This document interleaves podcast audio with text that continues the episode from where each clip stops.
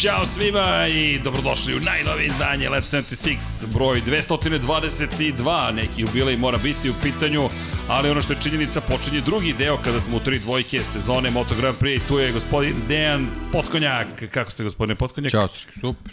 Lepo mi izgledaš. Hvala. Zbunio sam te. Ovo nisi očekivao. Najzad nešto da zbunim Dekija. Repertoar mi je presuhnuo u poslednjih nekoliko meseci, ali nadam se da ste dobro.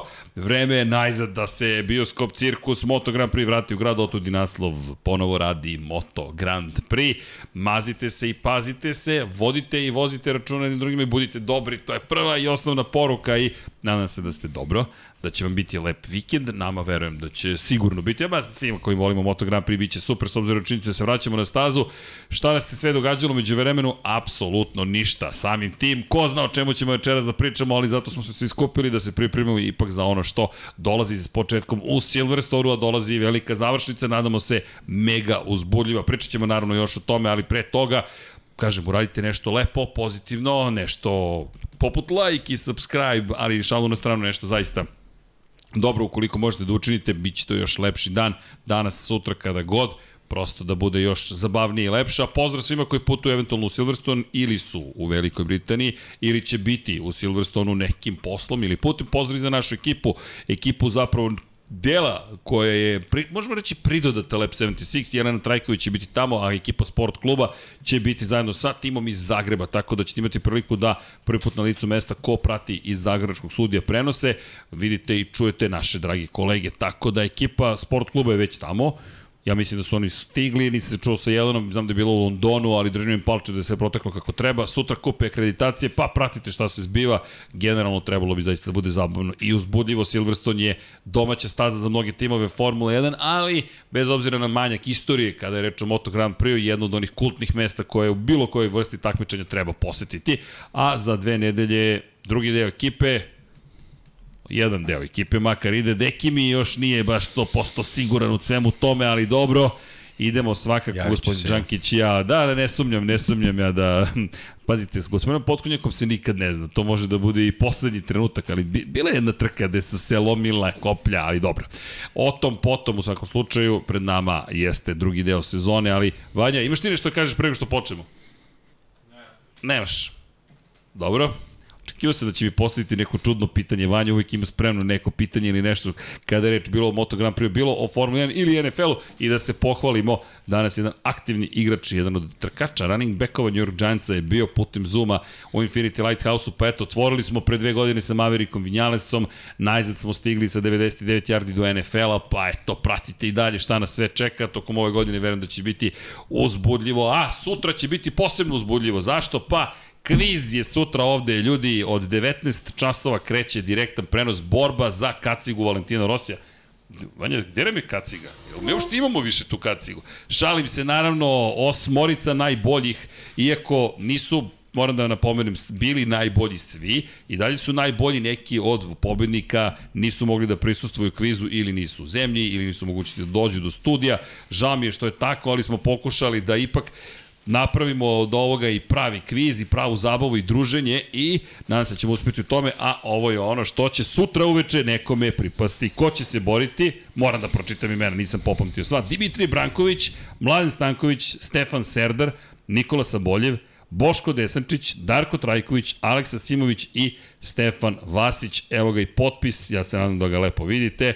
Valentina Rosija, kaciga iz 2016 pista, replika njena, originalna je kaciga s tim što on nije nosio, tako da nije sa njegove glave, ali jeste bilo u njegovim rukama i potpisao je veliki doktor koji deki Pričat ćemo o tome još, opet bio zvezda u proteklih pet nedelja, najveća zvezda Eto, Moto Grand Prix. Opet pričaš o njemu iz nekog drugog razloga. da, ali ko je bio zvezda? Valentino Rossi ali da pričat ćemo o tome. Inače, imali smo spektakularne trke Superbajka ponovo, makar su meni bile spektakularne, ne znam da se slažeš, spektakularno je šampionat postaje spektakularan. Imali smo i bizarnog Dominika Egertera u Supersportu, koji je prvi futbaler među ubici, motociklistima. Moram da mu kažem, vidi, Domi, uveo si futbal u naš sport. Sram te bilo. Dakle, čovjek koji je folirao da mu nije dobro, ne bi li zaustavio trku i vratio se na start. Neverovatno što ti kažeš juče, deki u podcastu o Formula 1 i pri priznao da je to učinio.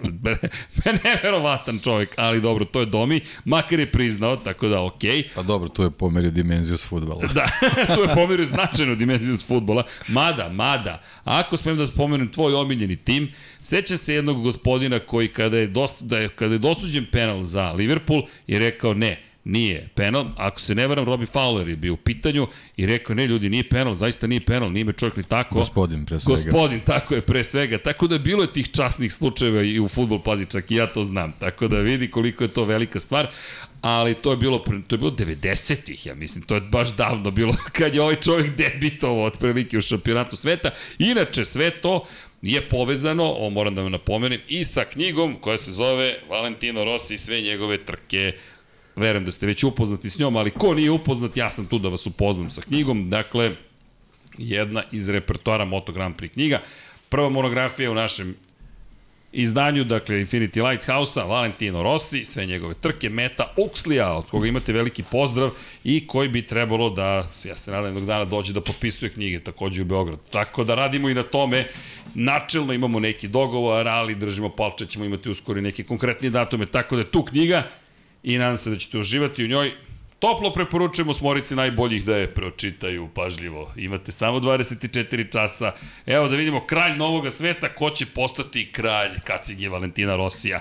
Bila je tu jedna potencijalna kraljica, međutim dama nije mogla da dođe, tako da nažalost nije u prilici da se bori za kacigu, ali ljudi, organizovat ćemo mi, nadamo se još nekih stvari, da li će biti Rosijeva kaciga ili neš, nekog drugog vozača, pitam se, pitam se, saznaćete, naravno, zato udarite subscribe, udarite like, podržite Infinity Lighthouse, patreon.com kroz Infinity Lighthouse takođe ili shop.infinitylighthouse.com i Tako, družimo se svi zajedno. Hvala inače svim novim Patreonima, hvala i onima koji više nisu Patreoni, hvala za svaki moment podrške, vremena, energije, svakako i novca, tako da nama to sve znači i ekipa će nastaviti da se zabavlja i igra i radi ozbiljno svoj posao. Kada je reč o igri, igraćemo se večeras, tako da imate vremena da izaberete s kim ću da vozim večeras, ko želite da ne stigne do cilja. Ali šalu na stranu, možda čak i završim krug, ni manje ni više u Silverstonu. I Da pozdravim još jednom one koji učestvuju u kvizu sutra, da vas pozovem sve zajedno da nam se pridružite od 19 časova i da im pružite moralnu podršku. Nismo baš mogli da dozvolimo da dođu i porodici i prijatelji, jer ne znam gde bi svi stali, pošto je već osam gostiju, to jest učesnika kviza, plus produkcijski tim, plus ja koji sedim za stolom, plus cijela ekipa. Dosta nas je, tako da čak ni ova videa od 24 u neće moći da podnese baš sve. Ali šalu na stranu, Silverstone sam spomenuo, pa vreme je da krenemo. Vanja, ćeš muziku. Od kad nismo opustili muziku? Jao. Muzika, ali ona malo duža. Ne bude samo da čitamo, mada već imam osjećaj kada treba pročitam Patreone i članove. Pozdrav svim Patreonima i to ćemo malo da izmenimo, da spomenjemo malo ranije, a da opet ne bude baš da čitamo svih 180 imena, jer to ume da potraje, pa onda ljudi se razbeže, nego onako da ubacimo malo opis i tako dalje. Pam, Pam, pam, pam, pam, pam, pam, pam, pam. Dakle, šta je pred nama? Pred nama je nastavak veličanstvene sezone u Moto Grand Prix i vreme je da vidimo ko će biti šampion sveta u 2022.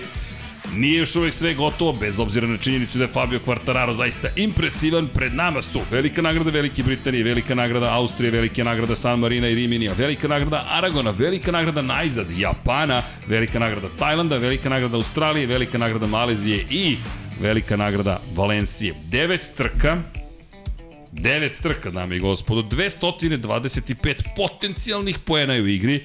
Fabio Quartararo ima 172, 21 više od Aleša Espargara, Joan Zarko ima 58 manje od vodećeg u šampionatu i tu bih stao. Zapravo stao bih kod Aleša Espargara kako stvari stoje. Deki, sve smo završili padom Fabio Quartarara u Holandiji izbacivanjem sa staze što sebe, što Aleša Espargara, neverovatno vožnjem Aleša Espargara koji je na kraju bio četvrti, zatim odustajanjem Fabio Kvartarara, pobedom, ni manje ni više Francesca Banjaje, drugom pozicijom, pazite sad ovo, Marka Becekija, čisto da se podsjetimo kako je izgledala velika nagrada Holandije, i trećim mestom za Maverika Vinjalesa.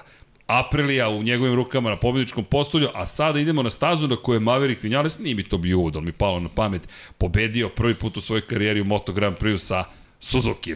Tako da, ko zna šta nas čekali. Deki, ćemo da krenemo od Fabio Kvartarara. Meni, mogu Pa nešto moramo. drugo? Moramo krenemo, ali imam nešto drugo, izvini. Ajde. I da li si ti išta čuo ovih pet nedelja Moto Grand Prix? Pa, ono, po Instagramu sam samo vidio neke sličice kako se odmaraju. Vidio sam Fabija u, u kokpitu Mercedesa. Malo se sa Marka Hamiltonom kako, kako, zabavljao. eto, konačno malo počeo da pliva nešto i tako, eto, to je, to je to. Meni su tri velike vesti, za četiri velike vesti. Prva da Alex Rins da je potvrdio da potpisao Znaš kako, za... ovaj, e, imam sina koji je otprilike njihov vršnjak i on kad Dobro. ode more ne javi se uopšte, tako da me otprilike jako, jako podsjećaju na njega. Tako. Ni znamo gde su, ni šta su, ni šta radi. Čime tako. se bave, ko, s kim su. Ni da li su stigli tamo gde su krenuli, tako, eto, to je. A bilo bi baš lepo, ljudi, ljudi ih onako baš gotive i bilo bi lepo da znamo šta rade. A, mislim da treba da uče od čoveka koji je nosio ove boje makar do prekjuče, Fernando Alonso u Formuli 1. E, dami i gospod, tako se radi show biznis. Dakle, počne letnja pauzma, pauzma. Opa, Dobro. pauzma, nisam dugo pričao o Moto Grand Prix. Počne letnja pauza, a Fernando Alonso baci medijsku bombu. Šć, bum, odlazim u Aston Martin, iako sam pričao dve godine o L planu, Otmar Šaf, najver šef ekipe, ne može da me nađe jer sam zvanično na jahti, a na Instagramu postuju kako sam u sred ovijeda. E, tako se pravi cirkus. Alpina Pa potom... dobro, da, ali, ali baš to što si rekao jednostavno, ovaj period mi je pokazao da su ti momci ipak drugačije kovo od vozača drugačije. 1, njihovi sklopovi nisu isti generalno a, a, a, ta, ta kompletna priča oko, oko njih izgleda drugačije. Jednostavno moramo da ili da se pomirimo s tim ili, ili da čekamo se pojavi neki Valentino Rossi novi koji ima žicu za, za takve stvari. Čekaj, Valentino Ali ne na Rossi. način da kopiraš Valentina Rossi u nekim stvarima, nego da smisliš možda nešto novo, drugačije, privlačnije i, i, i da, na, da na taj način okupiš tu, tu, tu armiju ljudi koji, koji voli Moto Grand Prix. Pa ako pričamo o Valentinu Rosiju, već je čovjek bio takva zvezda ovih par nedelja, što u Mizanu, što u Spa i vozio 24 časa Spa, ni manje ni više. Ne, meni je fascinantno gde ti dalje na, na sajtovima koji se bave Moto Grand Prix imaš vesti o Valentinu Rosiju, ako čovjek više nije na dva točka. E, Bilo bi sasvim logično da u nekom drugom u segmentu vesti. automobilizmu, na primjer, ali ne. da. On se dalje vodi kao Moto Grand Prix. I tako će vjerojatno Nama to ne smeta, ali ima ljudi koji bi trebali da se pitaju zašto je to tako. I zašto ne čujemo ništa ni o kome iz Moto Grand Prix pet nedelja. Dorne je pokušavao nekim starim dokumentarcima, intervjuima da, kao da oživi. Ali ljudi, ja ne Da, dobijem... da, ali nije poenta u, u starim dokumentarcima, poenta je u, u aktuelnoj situaciji. Tako je. Šta se ljudi trenutno događa, gde ste, šta ste, neka zabava. Ne, ovo nije kritika, ovo je konstatacija da ukoliko žele da dobiju si ponovo sport koji može da parira Formuli 1, morat će ozbiljno da porade na svom marketingu, jer upravo ovo, Alonso, Cirkus, onda Alpina saopštava, Pjastri vozi za nas, Pjastri saopštava, ja ne vozim za vas. Ne, mi smo bukvalno Onda, prošle nedelje mogli svaki dan da imamo podcast. Prošle nedelje, Vezano za Formulu za Formulu 1, 1, da. apsolutno svako veče smo mogli da Tako imamo je. podcast i to od, po- od sat jedan bez ikakvih problema. I da diskutujemo duboko o tome šta se zapravo desilo vest po vest. Nama čak je malo postao jedan podcast nedeljno za Formula 1. Ne kažem da će ih biti više ljudi, neki od ovde su se rodili skoro pre pola veka, ali činjenica je da, da bismo voleli. No, ono što bismo takođe voleli kada je reč o Moto Grand Prix, da imamo jedan nedeljno u kojem možemo da vam pričamo tokom pauze o nekim novitetima. Nije toga bilo ono što je bio spas. Moram da pohvalim zaista uredničku ekipu sport kluba koja je izvukla arhivu zapravo starih, starih, starih trka tokom ovih pauza. Vidim dosta reakcija pozitivnih iz te perspektive. Moram priznati da mi, makar ja, s tim nemam nikakve veze, ljudi, nisam nikome ništa ni pitao šta da puštamo, samo su krenuli da puštaju sve što smo radili. Inače, moram da otkrijem mnogima tajnu, mnogi su mi pisali da mi se glas nije promenio u poslednjih 16 godina mali trik je u pitanju, to je real life bio. Dakle, to sam radio 2020. Glumio sam kao da je taj dan trke i vraćao sam se u, na vesti od dana pre, pokušavajući da se pripremim za prenos za koji znam kako će da se završi kao da je to taj dan. Tako da je to bilo malo drugačije. Svaka čast. Meri hvala, bilo zabavno, ali čovjek mi kaže, e, ništa ti se glas nije promenio. e, pa, možda i jeste, ali nemate snimak iz Nisu tog baš perioda. tako išli prenosi trka tada. A moram još jednu stvar da kažem. Deki se seća mog prvog prenosa, to si mi juče otkrio skijaškog trčanja sa Eurosporta. e, to je bilo zabavno, kaže Deki. Jeste. Seća se tvog prvog prenosa. Pola sata tišine. Oda, i to se dešavalo, ne znam šta radim, jednostavno. skijaško trčanje, ok, hajmo, u, i, ali dobro, progovorio sam kasnije, ne, naučio sam. Posle si bio nezaustavljiv, da. kao inače. ne, posle kao sam... šta gotovo trka, pa čekaj. Čamo, Tek još malo. krenuli. da. da, ali tamo nije bilo opcije, produži režija, produži režija u Parizu i samo ti kažem 60 sekundi vreme da se odjaviš. Hvala lepo, doviđenja. Ali da, tako da je u Moto Grand Prix onako zatiši klasično i oni su pravi trkači. I to, kažem, nije kritika, više konstatacija ukoliko žele ponovo da pariraju Formulu 1, morat će zaista da promene neke običaje. Što se nas tiče, ne moraju. Ko žele da pariraju tiče- Superbajku. Super, bravo, deki. Jel se vraćamo u 90. Vraćamo se... Ja nikad nisam ni išao što se tiče Superbajka. Ne, Superbike je fantastičan, ljudi. Danas bismo mogli više da pričamo o Superbike-u, koliko je bilo uzbudljivo, ali posvećeno je Moto Grand Prix, nećemo zaboraviti Superbike, činjenica je da će se zahuktati stvari u Moto Grand Prix, ali nam je zanimljivo kao tema prosto koliko je drugačiji pristup. Jednostavno, oni su stvarno otišli na pauzu kraj. I to je kao nekada davno što, što je funkcionisao sport, generalno i automotosport. Završio se prvi deo sezone, ej, vidimo se za koliko god nedelja je neophodno, mi ćemo se videti i to će biti to. Inače, Kenan gde, gde sam ja otišao, ali dobro. Toprak Razgatlioglu je, otiša, je rekao da je njemu predugačka pauza koju Superbike ima i smatra da treba da se skrati. I bit će mi zanimljivo vidjeti u Moto Grand Prix kome ova pauza uopšte prijela i ko je u, ostao jer je dovoljno u ritmu, a ko je baš ispao iz ritma, jer to postoji kao opasnost. Koliko god ti se pripremaš, treniraš, pet nedelja je Pa ne, nezgodno je, nezgodno je da kad imaš preveliku pauzu u sportskim disciplinama, ti, ti generalno je zabranjeno da se baviš treningom u sportu kojim se baviš i onda stvarno nekome sigurno ne prijaju pauze nevezano za, za njihov način i, i prilaz samoj, samoj disciplini, nego jednostavno zbog, zbog trenutne forme. Jer forma ne može, bez obzira koji je sport u ne možeš 500 puta godišnje da dižeš formu, zna se kako se, kako se to radi i, i vidim da, recimo, eto, konkretno, braća Espargaro su priznala da im u svakom slučaju odgovara ova pauza, jer Aleš u svojoj karijeri nije imao tako intenzivan prvi deo sezone kao što je imao ove godine, posebno taj dodatni psihološki pritisak e, koji je vezan za a, ostanak u borbi za titulu. Znači, psihofizički pritisak je bio kakav nikad nije, nije bio u karijeri, njemu je zaista ovaj, očigledno prijela, prijela ta pauza, bar kako sam tvrdi, a s druge strane Pol, pošto ima tu, tu povredu Rebara, takođe jedva čekao da, da, da, da ode na pauzu i e, tako, ako treba u nekom lošem trenutku, da, da, u stvari u dobrom trenutku da se desi loša stvar, onda je to ovaj, povreda pred, pred pauzu, tako da eto i on je mada eto ima i trku koju jednostavno nije mogu ni da završi zbog, zbog tih bolova, tako da ovaj, eto, njih dvojica ono, jedva su čekali, dobro su očigledno iskoristili tu pauzu, naravno, ovaj, pošto ni informacije nije bilo, verovatno da se potpuno isključili i svega, tako da ovaj, vidjet ćemo sad kad, kad dođemo u Silverstone koliko su se obojice osvežili. Pa, Tako da, Biće, a meni će, ok, dakle, kada pričamo o tome, zaista mi je zanimljivo da vidim ko je tu uopšte. Mada mislim da su se uželeli isto tako vožnje, nekako mi, a ja sam uželeo toga da komentarišem o Moto Grand Prix, da pričamo šta se zapravo događa na stazi i da pričamo o tome šta se događa tokom vikenda i naravno da ispratimo samu trku, ali e, samo da zaokružimo negde temu, apropo toga da se niko, da nikog nigde nema. Ima ih povremeno u društvenim mrežama, ali to je to i kažem još jednom, Alpina koji među vremena saopštila da će Pjastri voziti za nju, a Pjastri rekao ne, neću, a onda je Williams iskoristio celu priliku i rekao saopštenje danas u 15 časova po britanskom standardnom vremenu, saopštenje da produ, su produžili ugovor sa Alexom Albomom, ali od svega su napravili show, mnogo ljudi Svaki dan po je nešto. čekalo. Tako je, svaki, Svaki dan, po dan po nešto.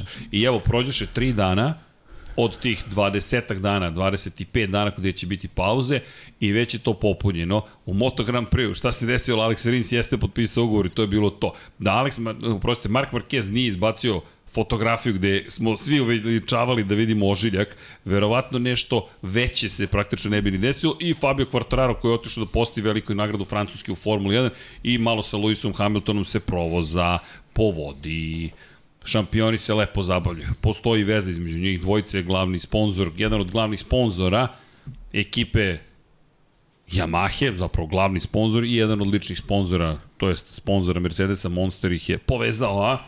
Evo ga, dakle, je to ta poslednja? Ima, evo kad pliva, ta Vanja kad pliva. Ovo je važna fotografija, I desna ruka sledeći, se vidi i i, sad sledeća. sledeći, Obratite da. pažnju na sledeću fotografiju, hvala Vanja. e, ovo, E. ovo je bitno. Ovo je mnogo važno i mislim da je vrlo vrlo, vrlo, vrlo jasno izabran kadar koji Vrlo namerno. Sve. Da, da je ovo bilo planski. Dakle, ako uveličamo, ne znam da li možemo, ruku Marka Markeza, prvo ispružena je ruka za početak. Ako se vratimo na njegovu pobedu prošle godine na velikoj nagradi Amerika, gde je morao da namešta ruku, ne bili je podigao iznad ramena, ideja da on pliva kraul danas, što će podrazumevati pruženu ruku, ekstenziju punu ekstenziju ruke i prebacivanje preko ramena i rotaciju tog mišića kako ranije nije mogao da postigne, rekao bih da posle 9 nedelja od operacije stvari idu u pravom smeru. Pored toga, onaj debeli ožiljak, debeo poput dva prsta, se sada smanjio na jednu liniju de facto. Tako da to su stvari koje obećavaju, znaci koji obećavaju.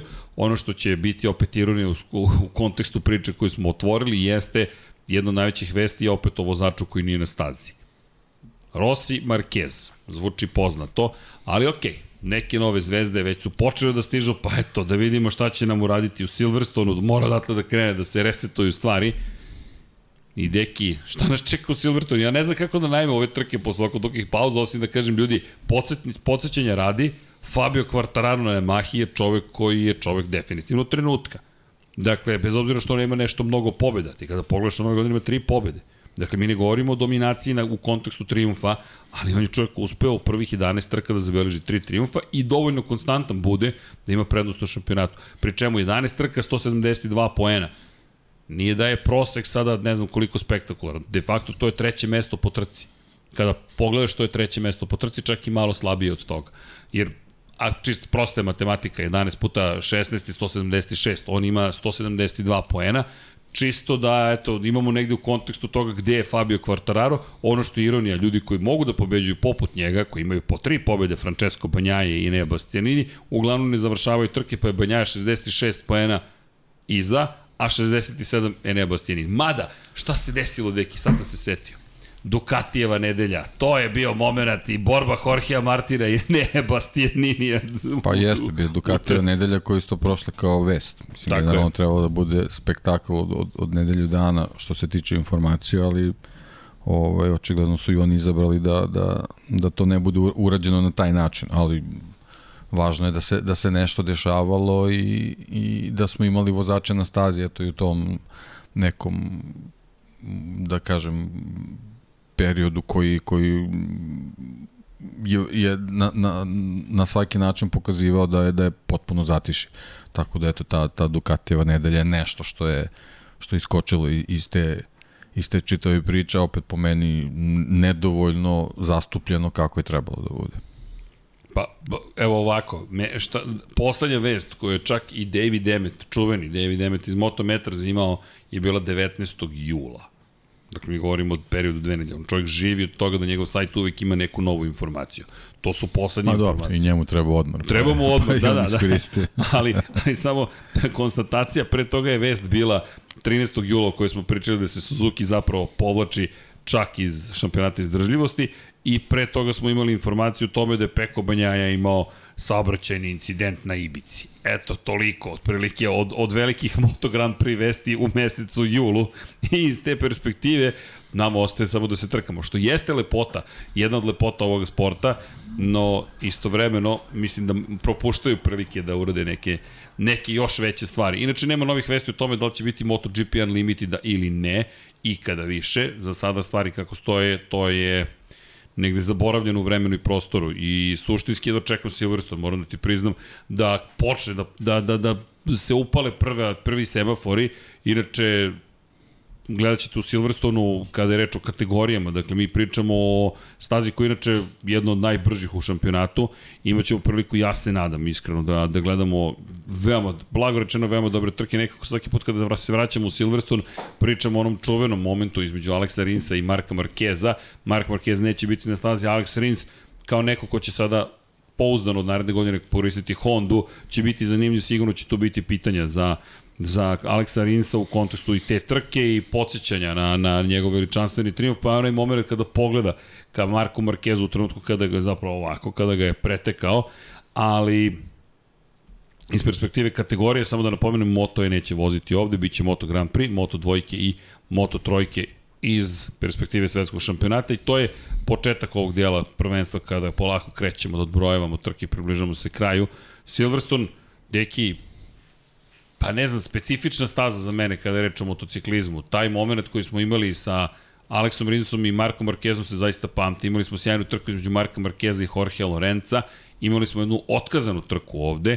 Imali smo stravičan incident sa Esteveom Rabatom, čuvena otkazana trka inače koja je baš je bila teška situacija te godine, prosto kiša koja je toliko snažno padala da tek asfaltirana staza nije mogla da izdrži, drenaža je bilo loše učinjeno, inače Silverstone se sada tuži sa izvođačima tih radova, čak i Lewis Hamilton u Formuli 1 kritikovo Silverstone, što on dovoljno govori tome koliko je bilo loše stanje.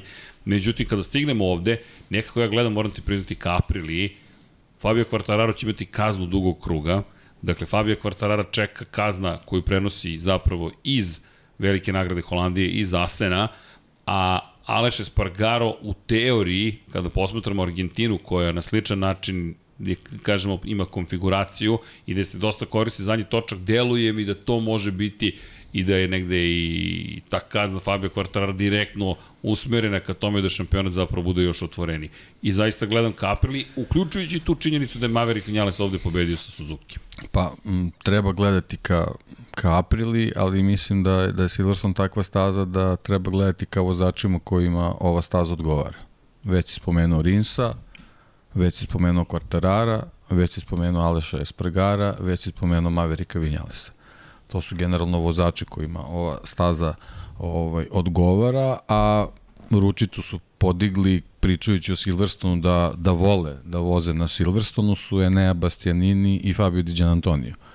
S obzirom na neka njihova izdanja tokom ove godine, neka su bila veoma upečatljiva što, što ovaj, kad je reč o Enei Bastianini i njegovim pobedama, što odličnim kvalifikacijama Fabio Di Antonio u, u dva maha, ovaj, tako da ne verujem da bi u prazno pričali ovaj, i, iz nekog o, iz neke kurtoazije vezano za stazu, nego mislim da, da je zaista to tako i da ako pričamo o toj pauzi koja je nekom odgovarala, nekom ne, sa druge strane ima vozača koji su verovatno jedva čekali da se ona završi upravo zbog toga što dolaze na stazu koju poznaju. E sad, ako ćemo da krenemo po, po vozačima, ako krećemo od Fabio Quartarara, meni će jako zanimati da li će postojati mogućnost da tokom treninga i kvalifikacija saznamo način kako će se pripremiti za prvi krug ovoj trke u Silverstone, koji mislim da će biti veoma važan, pre svega zato što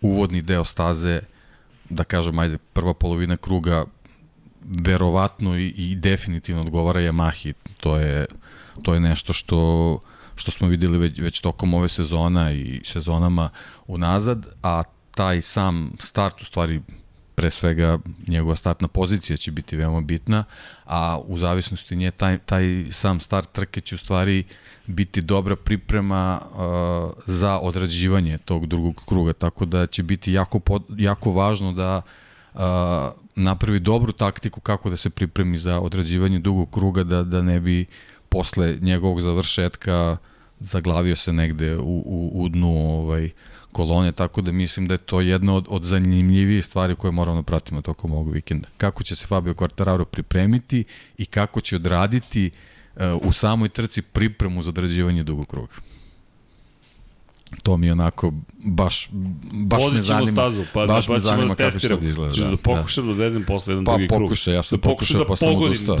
da. dugi krug. Ne zamerite, naš napredak je mizeran kada reč o vožnji Moto Grand Prix-a.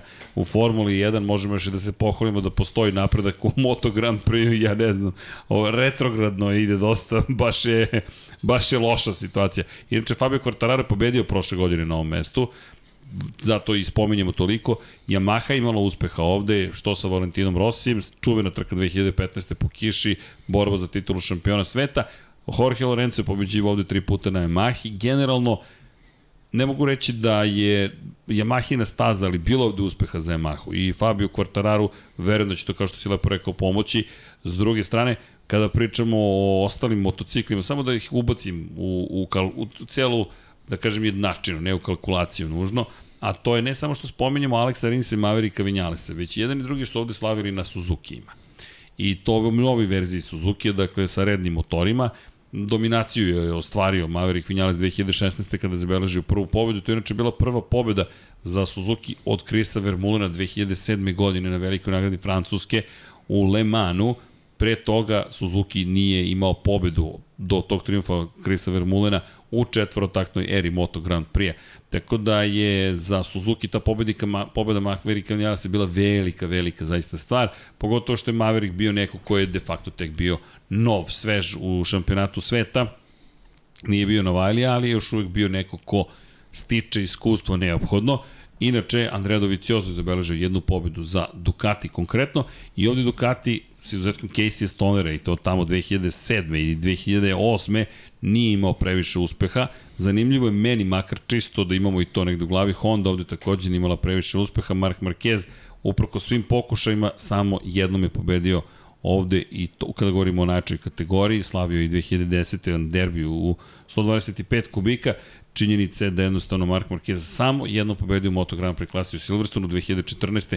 kada je imao onih čuvenih 10 pobeda za redom, to je bio taj veliki dur između njega i Jorgea Lorenza. U svakom slučaju, deluje da zaista i Yamaha i Suzuki mogu tu biti veoma opasni, Rins je još uvek na Suzukiju, ne bih isključio čak ni Joana Mira, bez obzira što čekamo tu njegovu drugu pobedu u karijeri, ali ne bih ga isključio i jedva čekam da vidim naravno apropo kalkulacije gde će Joan Mir, dakle mi imamo još uvek otvorenu tu situaciju po pitanju toga gde će biti, mi očekujemo svi da će potpisati za fabričku ekipu Honda, ali za sada to još uvek nije samo nije Mislili smo da ćemo na pauzi da saznamo, ali Tako nismo. Je, ali nismo. Tako da to i dalje ostaje otvoreno. Šta još nismo saznali, ko će biti drugi vozač fabričke ekipe Ducatija. To i dalje stoji takođe kao otvoreno pitanje, iako nam je rečeno, ne, to će biti završeno u junu. Ne, to će biti završeno pre kraja prvog dela sezone. Ne, to će biti kraja, završeno pre početka drugog dela sezone. Ok, imate još dva dana da nam saopštite, ali bojim se neki da ćemo morati mi da čekamo zapravo da se završi, da se završi šta? velika nagrada Austrije. Mislim da posle Red Bull ringa ćemo tek dobiti odgovor. Mislim da Ducati velike nade polože na tu trku. To je samo mišljenje, ne mogu da vam dam potvrdu toga da se to zaista dešava, ali je to prosto neko naše razumevanje. Ima tu još dosta otvornih pitanja. Alex Marquez jeste potpisao za za Gresini, bit će sa Fabijom Diđenom Tonim naredne godine tako. Tamo Luče Čekinelo Racing još uvijek ne znamo ko će voziti drugi motocikl i tako. Ima tu još dosta otvorenih pitanja, ali ima jedna bitna vest za koju sam zaboravio, ili možda može da bude bitna vest, ali Fanatik i Valentino Rossi su se udružili. Uh, kompanija iz Venecije je potpisala ugovor zapravo ono što ne znamo, navodno će oni preuzeti zapravo VR46 ekipu Moto2 klase naredne godine. Sad, šta to znači? Ono što znamo je da će menadžer ekipe biti Stefano Bedon i Milena Kerner da će biti tehnički menadžer. Iz perspektive, da kažemo, brendo, povezivanja brendova. Vi imate sad jednom fanatik koji ulazi u Moto2 kategoriju, priča se čak i o saradnji kada je reč o saobraćajnim vozilima, dakle mi govorimo o tome da je Valentino Rossi umeđu vremenu bio očigledno vrlo vredan poslovno, i da VR46 ekipa se izgleda ponovo transformiše, neće više izgleda biti u Moto2 klasi.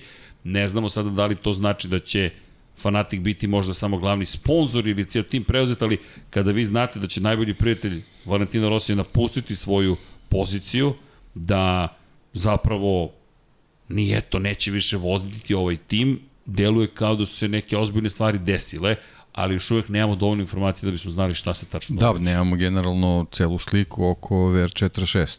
Ne, Kakve ne znam. su im planovi da bismo na osnovu toga mogli da znamo zašto se, zašto se dešava ta preformacija u, u, u Moto dvojkama. Ako, ako tu postoji neki kako, za, kako bih rekao, ozbiljniji plan vezan za Moto Grand Prix, onda možda može da bude jasnije zašto, zašto će se desiti ovaj, praktično pojačanje ekipe, to jest udruživanje, zato što jednostavno da, bi, da bi se neke veće ambicije u Moto Grand Prix ostvarile, verovatno mora da se desi neko ozbiljnije angažovanje većeg broja ljudi, tako da uh, mnogo jednostavnije da se, da se na taj način ovaj, nastavi delovanje u moto dvojkama, zato što je mnogo, mnogo bolje pro, pronaći saradnik u ekipi koja, koja je već iskusnija nego, nego da, da, da širiš priču sa nekim novim saradnicima koji nemaju dovoljno iskustva u moto dvojkama, tako da Ne znam, mislim, ali ovo je sad sve nagađanje. Da, Jednostavno čisto moramo, moramo dobijemo celu sliku, da. Šta se tu sad da. zbiva? Pa to kažem, da. Gde ko ide? Zato je toliko važno i zašto, ga, zašto ubacujem tu priču usred Moto Grand Prix priče.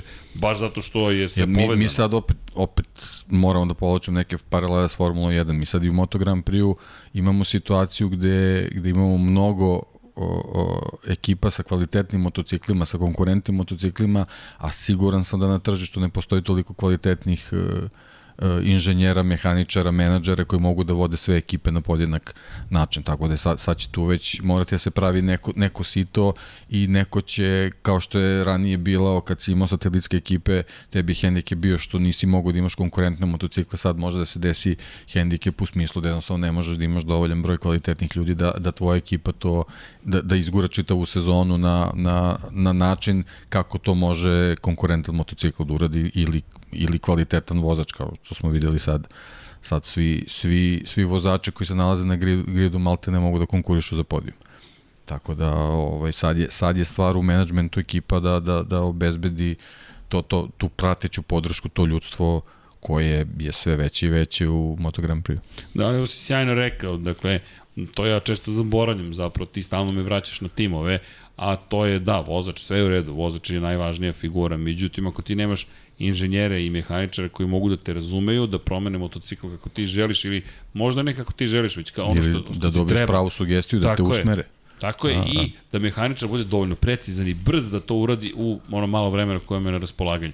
To su sve elementi bez kojih ne možete da budete uspešni. ti, ti si imao eru, ali bukvalno možemo kažemo do Valentina Rossi, tebi je dovoljno da imaš svog inženjera kojem, kojem veruješ na, na više osnova i da, da njega vodiš kroz svoju karijeru sa sobom i ti si završio komplenta posao, međutim sad je sad već dolaziš u situaciju da, evo konkretno Fabio Quartararo i Silverstone, znači bukvalno će morati se pravi strategija kako će da, da vozi kako beš on, do, do trećeg kruga mora da odradi Da, on mora da u prva tri kruga znači, da ti odradi bukvalno, kaznu. bukvalno moraš da uradiš strategiju prva dva kruga da bi, da bi bezbolno odradio kaznu. To je već sad, već ulaziš u, u, u takve situacije što ranije nije bilo toliko bitno. Pri čemu ono što i takođe imaš jeste da, inače Fabio Quartararo rekao da ga motiviše ta kazna i da jednostavno, bez obzira na sve to, želi da se bori za drugu uzastopnu pobedu na ovom mestu. Lepo je što ga motiviše, ovo što ti govoriš je upravo ono što će biti neophodno. Ako si i to je algoritam, ukoliko si u gužvi, ukoliko nisi u gužvi, iza koga izlaziš, kako ćeš se ponašati, tako dalje i tako dalje.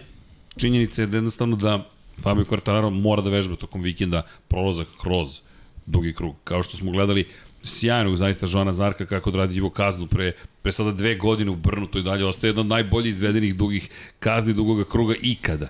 Zaista izgledao spektakularno Žan Zarko kao da nije izgubio ni sekund, a on je čovjek odvezao celu kaznu. Da, i sad vezano i za taj drugi krug, mislim, a to je, to je ovaj, uh, o, o, to mi je ono stalno u glavi od, od određivanja kazne drugog kruga Jacka Millera.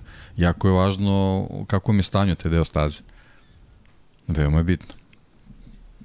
Tako da to su sad već neki elementi koje ranije u Moto Grand Prix nismo, nismo uzimali kao, kao neki bitni faktori. Međutim, sad kad imaš ovakvu situaciju u borbi za titulu i konkurenta koji dolazi na stazu koja mu takođe odgovara, bukvalno je svaka desetinka veoma bitna. Pri čemu Silverstone je staza na kojoj koliko god izgledalo kada je lako preticati, morate baš da znate šta radite. Veoma je brza staza.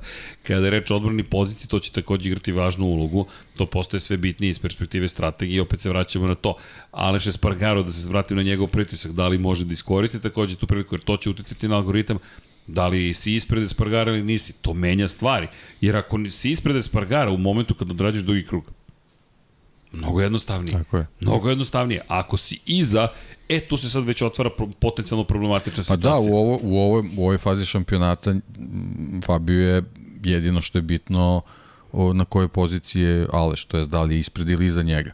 Ovi svi ostali, uključujući i Peka Banjaju, da kažem, o tom potom, ako je Peko bude dobar u Silverstonu, on je već osoba koju moraš da gledaš i za dalje. Trenutno, Trenutno ne moraš. trenutno ne moraš i Ališ je bukvalno taj koji, koji je ono meta te, te čitave priče oko, oko izdanja Fabija u Silverstonu. Na Fabio iz te perspektive svakako treba da povede računa i o potencijalnom povratku Banjaja u igru za titul šampiona sveta, ali bez obzira, Aleš Espargaro je meta broj 1. Tu, ne, tu, tu, tu, tu stvari deluju zaista veoma jasno. Što je super, u principu, kakvu sezonu imamo da je vozač na april i meta. da je meta, a gde je bio taj vozač na april prošle godine na ovoj stazi? Bio na trećem mestu. Bio na trećem mestu, to se slavilo kakav je to uspeh. I ne samo što je to bilo treće mesto, to je bilo odlično izdanje. Jeste. Baš se trkao i to se dobro da. trkao. Alex je bio drugi, ali suštinski nije ugrozio Fabio Kvartaran. Nije to bilo dve desetinke, hiljaditinke ili nešto slično. Na finiš preko dve sekunde je zaostaje za Fabio Kvartaranom.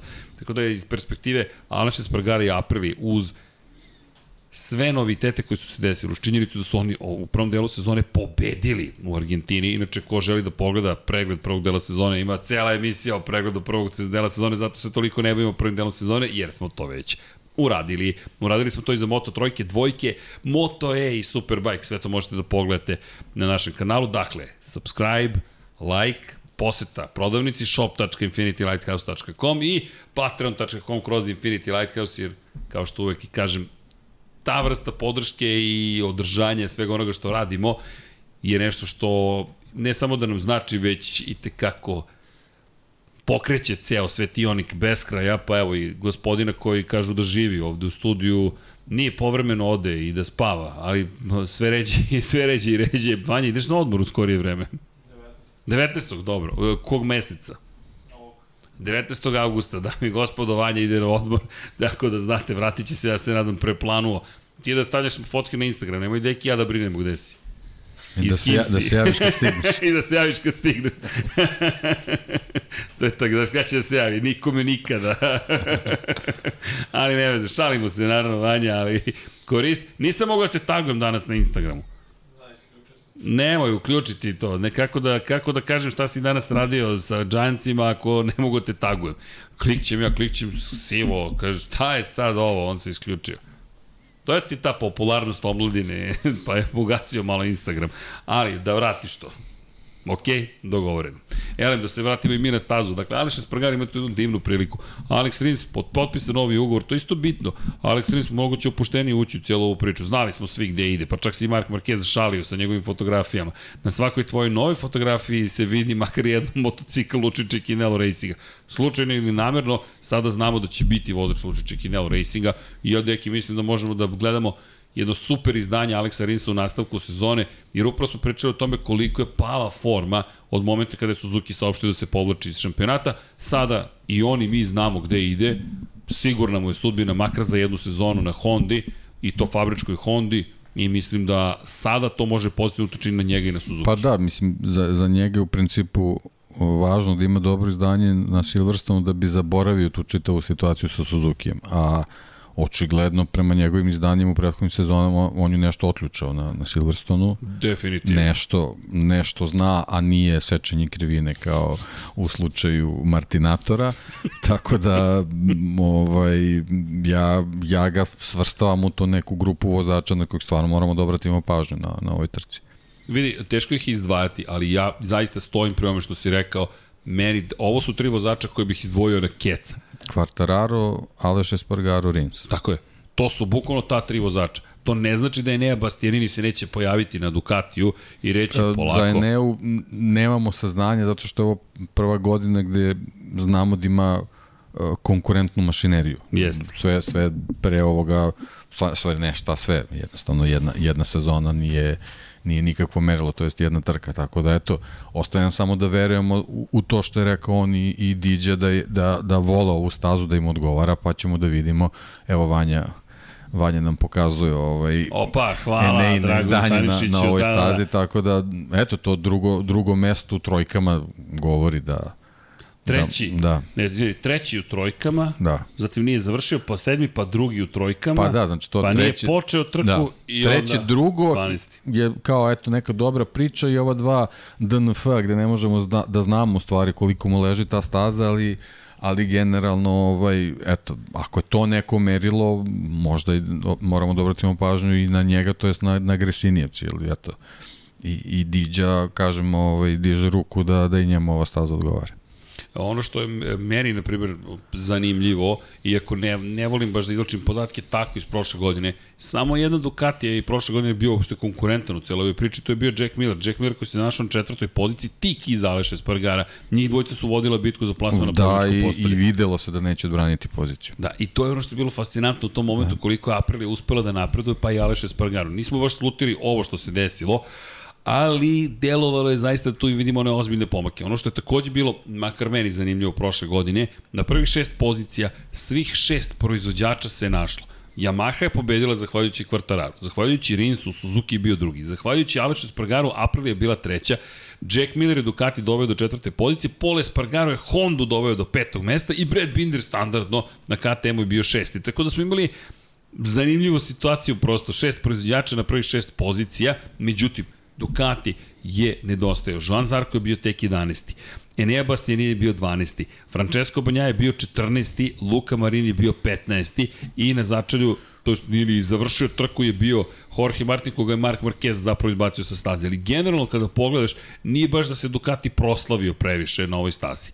I taj poraz protiv Aprilije nekako mm, je delovalo da je više problem Ducati nego uspeh nužno Aprilije. Ne znam da li se to prenosi na ovu godinu. Pričamo ipak o GP-u 21 za koji smo rekli da je jedan impresivan motocikl, ali bih stavio blagi upetnik pored svih Ducatijevih vozača u kontekstu da. toga da li ima problem ovde neki. Pa verovatno Megoc, Beckett, Čepel nisu, nisu baš krivine gde, gde ovaj, može da se ostvari prednost ako si na Ducatiju, tako da, da možda gled, trebamo gledati taj segment Opet, i trebamo... prvi sektor o kojem si pričao taj, za Fabio Quartararo. Tako, znači prvi sektor u staroj konfiguraciji da, stavi. pošto Formula 1 da koristi da, da. drugu Jest, konfiguraciju. E, sad, konfiguraciju, ali drugu poziciju za start, eto. Tako, e, sad što se tiče te druge pozicije za start i posle nje, o, posle, posle startnog pravca koji koristi Formula 1 za start, takođe dolazi jedan, jedan splet krivina koji Ducatiju ne bi, ne bi trebalo da odgovara, da. a Yamahi i očigledno Apriliji, pa čak i Suzukiju, ovaj, može, može da legne, tako da su to u stvari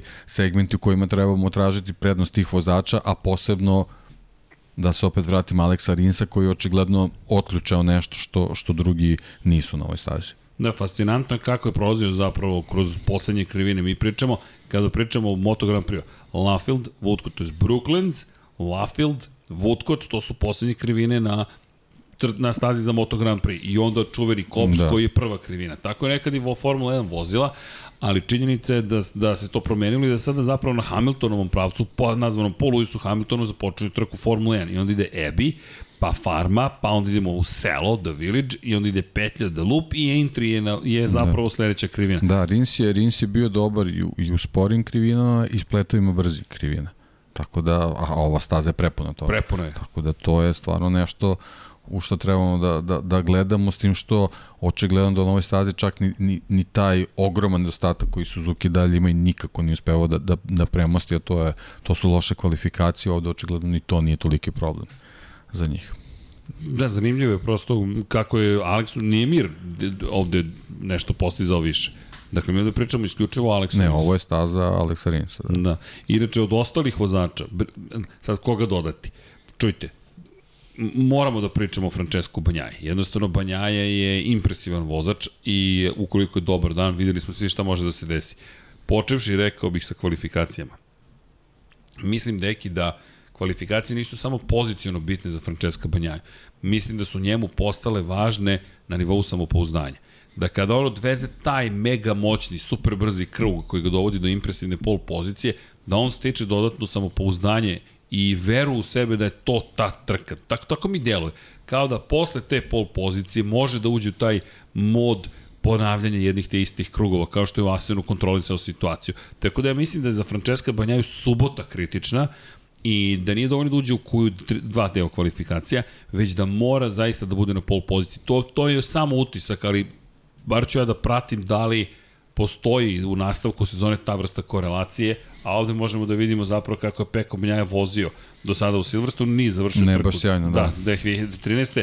naredne godine 21. bio nije završeno i 2015. To su sve u Moto3 kategoriji takmičenja, 2016. je bio drugi, zatim je bio peti u debitanskoj sezoni Moto2 klase, 2019. na poziciji 11. u Moto Grand Prix i prošle godine 14. Dakle, ako pričamo o Peku Banjaji, deluje mi da će sve početi za njega Pričamo o. Peku Bonja i gledamo Ducatija. Da, osim Jacka tako Millera. Je, tako je, da. osim Jacka Millera, ali gledam te kvalifikacije i gledam, razmišljam o tome zapravo kada, kada pogledaš kako voze i, i koliko je zapravo tu Banjaj bitno. Banjaj je prošle godine bio drugi ovde u kvalifikacijama. Inače, zanimljivo, ne znam ko se seća prošle godine ko je zapravo zauzeo prvo startno mesto. To, to, je, to, treba, to, ne, to ne smemo da zaboravimo. To ne smemo da zaboravimo. Se sećate ko je, ko je svoje pol pozicije? Pole Spargaro. Pole Spargaro na Hondi bio ispred Banjaje i Fabio Quartarara. I Banja je tu ponovo pokazao koliko, to je moj utisak, koliko je tu bilo važno za njega da ostvari dobar rezultat. Jack Miller je startovao sedmi, Valentino Rossi imao je od boljih kvalifikacija, bio je na osmi poziciji. Ali u trci se to baš i nije pretvorilo u neku zbiljnu brzinu. Prvih par krugova koliko me sećanje služi se dobro držao i to je bilo to, otprilike standardna priča za makar ove gume i ovu Yamahu kada reč o Valentinu Rosiju. Tako da će biti zanimljivo isto ispratiti eto kvalifikacije iz te perspektive. Ne vidim Hondu iskreno da će ovdje išta dozbiljnije da postigne. Ne vidim odjednom neku novu formu za, za Pola Espargara za koga znamo da sigurno odlazi iz Repsol Honda. Možda nešto Takaki na Kagami koji je ovde imao pobedu u Moto2 klasi. Pa eto, možda tu možemo da tražimo nešto. Takaki na Kagami jednu od redkih svojih pobjeda zapravo zabeleži upravo u Silverstonu. I deluje da je to neka vrsta staze koja njemu odgovara ali ne bih se kladio sad odjedno da će Takaki na kanal biti spektakularno. Mislim da može da uđe u Q2 deo kvalifikacije to je to. Kao da je to neki domet. Samo za Hondu ne vidim i dalje izbavitelja, spasitelja ne vidim niti u Štefanu Bradlu, niti ga vidim u Aleksu Markezu, ta četvorka jednostavno je disfunkcionalna u ovom momentu i Honda bojim se da je čeka još jedan težak nastup i ostanak na poziciji šest u šampionatu konstruktora. Apropo Honda, ona mi je nekako najjednostavnije.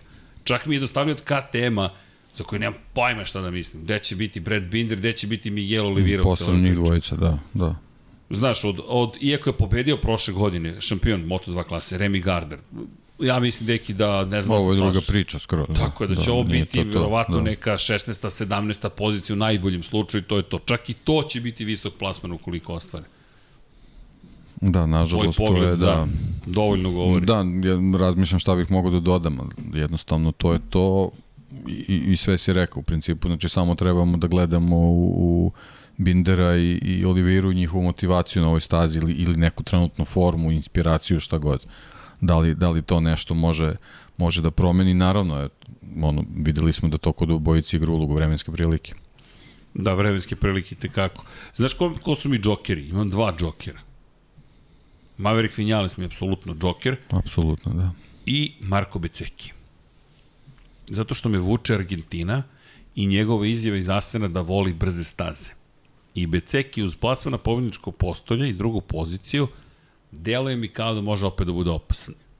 I mislim da sada više nije ni čak ni vreme za greške tipa Moto3 ili Moto2 klase. Jedna dobra trka, jedna loša. Mislim da za Beca ovo sada taj da, moment. Da, ovo je staza gde stvarno možeš, kad, ako uđeš u dobar ritam, kao što si da. rekao, i za, i za banjaju, ovaj, da možeš da, da ostvariš dobar plasman, tako da, da, slažem se. Da. To su mi dva džokera. Da, da, da. Ostali, nemam pojma. John Zarko, ja, ja ne znam šta da, da. očekam od Johna Zarko. On jeste treći u šampionatu, ali forma, bilo je dobro. Peti, četvrti, treći, drugi, trinesti. Pa tako je bilo i prošle godine, realno. I uvek ista priča. Da, da. Tap, tap, tap, tap, dođem negde blizu pobjede, pad. I onda idemo nazad, vraćamo se, vraćamo se, vraćamo se, dođemo blizu pobjede, pad. Što se tiče Neje Bastianini, njegove bitke sa Jorgeom Martinom, nemam predstavu. Net, pukao. Pukao je stream. Pukao je stream. Prvi put nam je pukao stream posle hiljadu godina. Šta se desilo? Vratio se. Vratili smo se. Da li. Ne znamo da li smo se vratili. Ja recite nam, da li smo se pa, vratili? Pa vidim u četu da, da spominju da je pukao net. Ali da li je još uvek živ prenos? Ljudi, kucajte samo ako, ako ima. Ako, ako nas, nas ima. Ako nas ima. Ovo se nije desilo, boga mi, godinu i nešto da je net, ali pretpostavljam da i to moramo Aj, da se desi. Aj, probajte neki refresh pa da vidimo šta možemo da...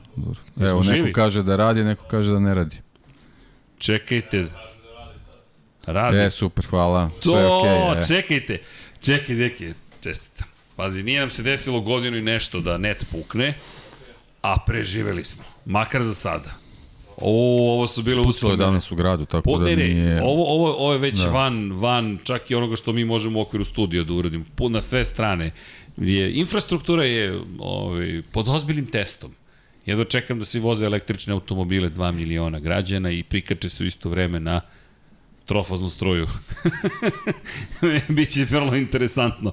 Inače, Pa da, pa ne, vidi, Deki ja podržavamo apsolutno održiv razvoj, ali smo skeptični da li su ljudi koji guraju električna vozila svesni šta će se Treba desiti. biti realan. Treba biti bukvalno realan.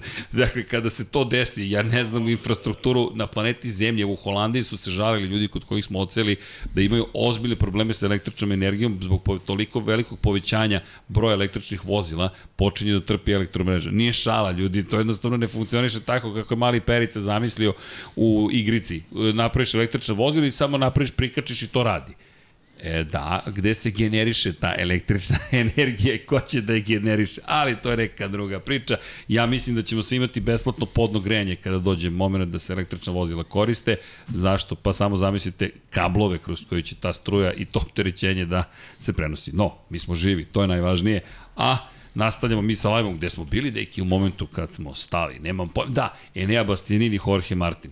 Njihov duel Videli smo na Ducatijevoj nedelji. Ducati, to je najzabavniji moment bio celog letnjeg raspusta.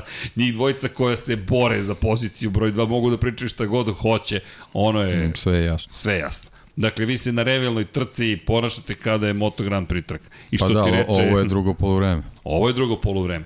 A ono što je fascinantno, Ducati ih je pustio da se i dalje biju za tu poziciju. Nije i dalje rešio i rekao, ej, pozicija pripada tom i tom, idemo dalje. Ducati sebi i dalje ostavlja sve otvoreno. Dakle, ostavlja sebi otvorene situacije u kojima ti kažeš, dobro, znamo ko će da vozi, nemamo predstavu ko će da vozi za, na, na, na drugom Ducatiju. Bukvalno se svelo na nagađanje. Moj utisak u Asenu, moram ti priznati, je bio da je Jorge Martin potpisao zaista mi je delovo, tako se družio sa celim Ducatijem, tako je bio opušten, tako je komunicirao sa svima, delovalo je zaista da je to završen posao. Evo, pet nedelja kasnije mi dalje nemamo predstavu da zapravo da li je završen posao ili nije završen posao i ne znamo šta će se desiti, kao da opet moramo da čekamo šta? Red Bull Ring da ponovim još jednom. Zašto? Pa eto, Silverstone koji nije nužno Ducatijeva staza i Red Bull Ring koji je bio Ducatijeva staza, mada uz šikanu koja je dodata, Da li je to i dalje Ducatijeva staza? Ja cenim da jeste, zašto? Zato što to inicijalno ubrzanje gore uzbrdo, ja mislim da će da im pomogne. Ali to je samo mišljenje. Deki, Vidjet ćemo, vidjet ćemo. Pa ne, zato što može da ostane, ali moguće da će još neki motocikli dobiti tu prednost vezano za, za šikanu koja će nastati. Tako da moramo da vidimo jednostavno ne nije dovoljno ovaj da da pretpostavimo da je da je to samo mala izmena. Ne, Možda zaista izmena. može da da da mnogo utiče na na performanse.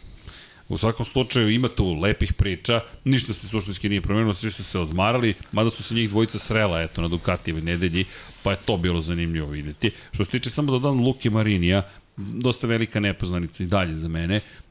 Voleo bih da vam kažem da će drugi deo sezone biti mnogo bolji, da to liči na Luku Marinija koji je ušao nekako u ritam, ali za sada čak i on ne krije da jednostavno ne, ne može da zna šta će se dalje događati. Prosto rekao je na meni je da naučim kako da izvučem maksimum iz svega ovoga i da pokušam da budem bolji. Znate koga nismo spomenuli? Iako smo Suzuki spomenuli, sve smo spomenuli. Nismo spomenuli preostala tri vozača Yamahi. Ja ni ne znam kako bismo ih spomenuli. Franco Morbidelli se ošišao. Eto, to je, bukvalno to je najveća vest. Otprilike da više nije kovrđav, nego je više u mom fazonu. Nadam se da to nije trajno stanje kao u mom slučaju, već da je samo faza. Ali to nešto govori. Pa nešto govori da postoji možda još neka druga faza, tako da Tako je. aj, hajde da verujemo da, da je možda to ta promena i da se uzdamo u tu činjenicu da je ovo ipak na neki način Yamahina staza. Sva trojica su pokazala da, da u, u raznim fazama karijera koliko su dobri vozači, uključujući i, i Derina Bindera koji se sjajno snašao u, u prvoj sezoni Moto Grand Prix uprko svim, svim kritikama. Tako da, eto, sva trojica imaju nešto ispod sebe i, i krajnje je vreme da to probaju da, da, da iskoriste. Da, inače, prošle godine ovde nije vozio Franco Morbidelli, bio je povređen, to je operisan, pa se još uvek oporavlja od te povrede. Jake Dixon ga je menjao, Jake Dixon pristojno se pokazao na, na, na Yamahi, ništa sad spektakularno, ali bio prisutan. I ne zaboravite, Karl Kračlo je takođe vozio za Yamahu, to je bila zamena za, zamena za, zamena za Maverika Vinjalesa koji u tom momentu već bio na nekom drugom putu. Dakle, da su imali dvojicu Britanaca na, na, na Yamahama, ove godine Andrea Doviciozo, naravno na jednoj od RNF Yamaha i Derin Binder na, na Yamahi koja je prošlogodišnja verzija na zapravo motocikla opet nikakva nova neka očekivanja. Kaže, malo nezahvalno. Najve generalno su manje zahvalne svakako, ali pogotovo posle pet nedelja pauza. Mada, ima stvari o kojima smo razmišljali, gledali, posmatrali šta bi mogli, šta bismo mogli da zaključimo i da kažemo stojimo iz, ove rečeni, iz ovih rečenica, a ne samo evo vam neka informacija. Jednostavno, iz ove perspektive kada pogledam šampionat, kada pogledam šta zaista možemo da očekujemo, Znaš koga možda bih mogao da dodam još u grupu Jokera, mada sad sam povećao toliko. To je Moto Grand Prix, ne možeš da ne, negde da ih ne svrstaš mnogo ih. Jack Miller. Moram ti priznati da Jack mi djeluje kao da u ovoj celoj situaciji bi mogla njemu da dodam. Pa dobro, da, eto, on, u, u, u celoj toj priči oko Ducati on deluje kao neka anomalija, pre svega zbog prosto, prošlogodišnjih rezultata, tako da zašto da ne, mislim, ali, mislim, ali generalno znamo, jako će biti teško da se ponovi isti raspored kao prošle godine. Mi samo na osnovu toga možemo da, da zaključimo kome ova staza odgovara ili ne, ali, ali generalno ti rezultati nam ipak nešto govore, tako da apsolutno da, možemo, možemo i na, i na njega da računamo ovog puta. Da, i ono što... Nemoj samo više da dodaješ, molim. Ne, ne, ne, moram da stanem, ali nekako sam sad shvatio da da Jack nije, nije, ne, ne može da mi, ne može da bude u grupi ko, da kažeš vozača od kojih sad očekujem baš, ali uh, Znaš, ono Jackovo, e, danas mi je dan. Danas sam raspoložen. Inače, vremenski uslovi bi trebalo budu dobri, Biće mestimično oblačno, uglavnom temperature prijatne, 20, 21, 24, da. Biće prohladno u jutarnjim časovima, 11, 9 stepeni prognoziraju meteorolozi. To može da, da bude pomalo problematično kada je reč o pripremama za trku, pošto će biti toliko niske temperature, pitanje koje ćete gume moći da koristite, a naravno ukoliko bude tačna prognoza, za petak kažu 20 gornja, donja 11, 21 gornja u subotu, 9 je e, donja naj, najniža temperatura i u nedelju najtopliji dan, 24 maksimalna temperatura, najniža temperatura 11 stepeni Celsijusa. To je makar prognoza i niko ne prognozira kišu. Da li hladniji asfalt onda malo odgovara Ducatiju više? Igra, biće, Eto. biće, da. I ono što je bitna da. napomena, Moto2 trka dolazi posle Moto Grand Prix trke što je često problem bio kada je reč o gumama Moto2 klase. I možda ćemo čak još bolje moći da prognoziramo na osnovu treninga, pošto gde postoji problem kada prognoziramo na osnovu rezultata treninga? Svi treninzi se voze pre nego što na stazu iduđu Moto2 vozači. I kada dođe dan trke, prvo idu Moto trojke, pa Moto dvojke, pa Moto Grand Prix. Mnogo se promene karakteristike staze i ponašanje pneumatika Mišelinovih kada najđu na utrljene Dunlopove gume. Moto trojke toliko su i lagane i tanke te gume da u suštini ne utiču previše na Moto Grand Prix. Kod Moto dvojke je drugačija situacija. To je debela jedna masna guma, ostaje trag i vozači, pogotovo na početku trke Moto Grand Prix klase, osjećaju njen uticaj. Tako da ovoga puta oni koji se stalno žale da bi bilo bolje da voze pre Moto dvojki dobit će ispunjenje svoje želje, da bi se trka održala u 14 časova po centralnoj evropskoj vremenskoj zoni, tako da u jedan popodne počinju po britanskom vremenu, a to automatski znači da program moramo da prilagodimo i onda će Moto dvojki biti poslednja trka dana. Čisto da znate, program 12 i 21. trka dana, 14.00 po našoj vremenskoj zoni i posle toga od 15.30 počinje Moto2 klasa što mislim da je bitno napomenuti, jer u celoj toj priči može i tekako da utiče na ono što će se dešavati vozačima. Inače, prve zvanične stvari i informacije ćemo dobiti sutra, četvrtak, standardni dan za konferencije za medije. Ko želi da postavlja pitanje preko društvenih mreža, neka poseti Moto Grand Prix, to često zaboravim da napomenem. Možete da postavite, možda će vaše pitanje biti pročitano zapravo tokom zvanične konferencije za medije. Pa eto, prilika malo da učestvujete interaktivno u celoj priči kada je reč o kraljevskoj klasi.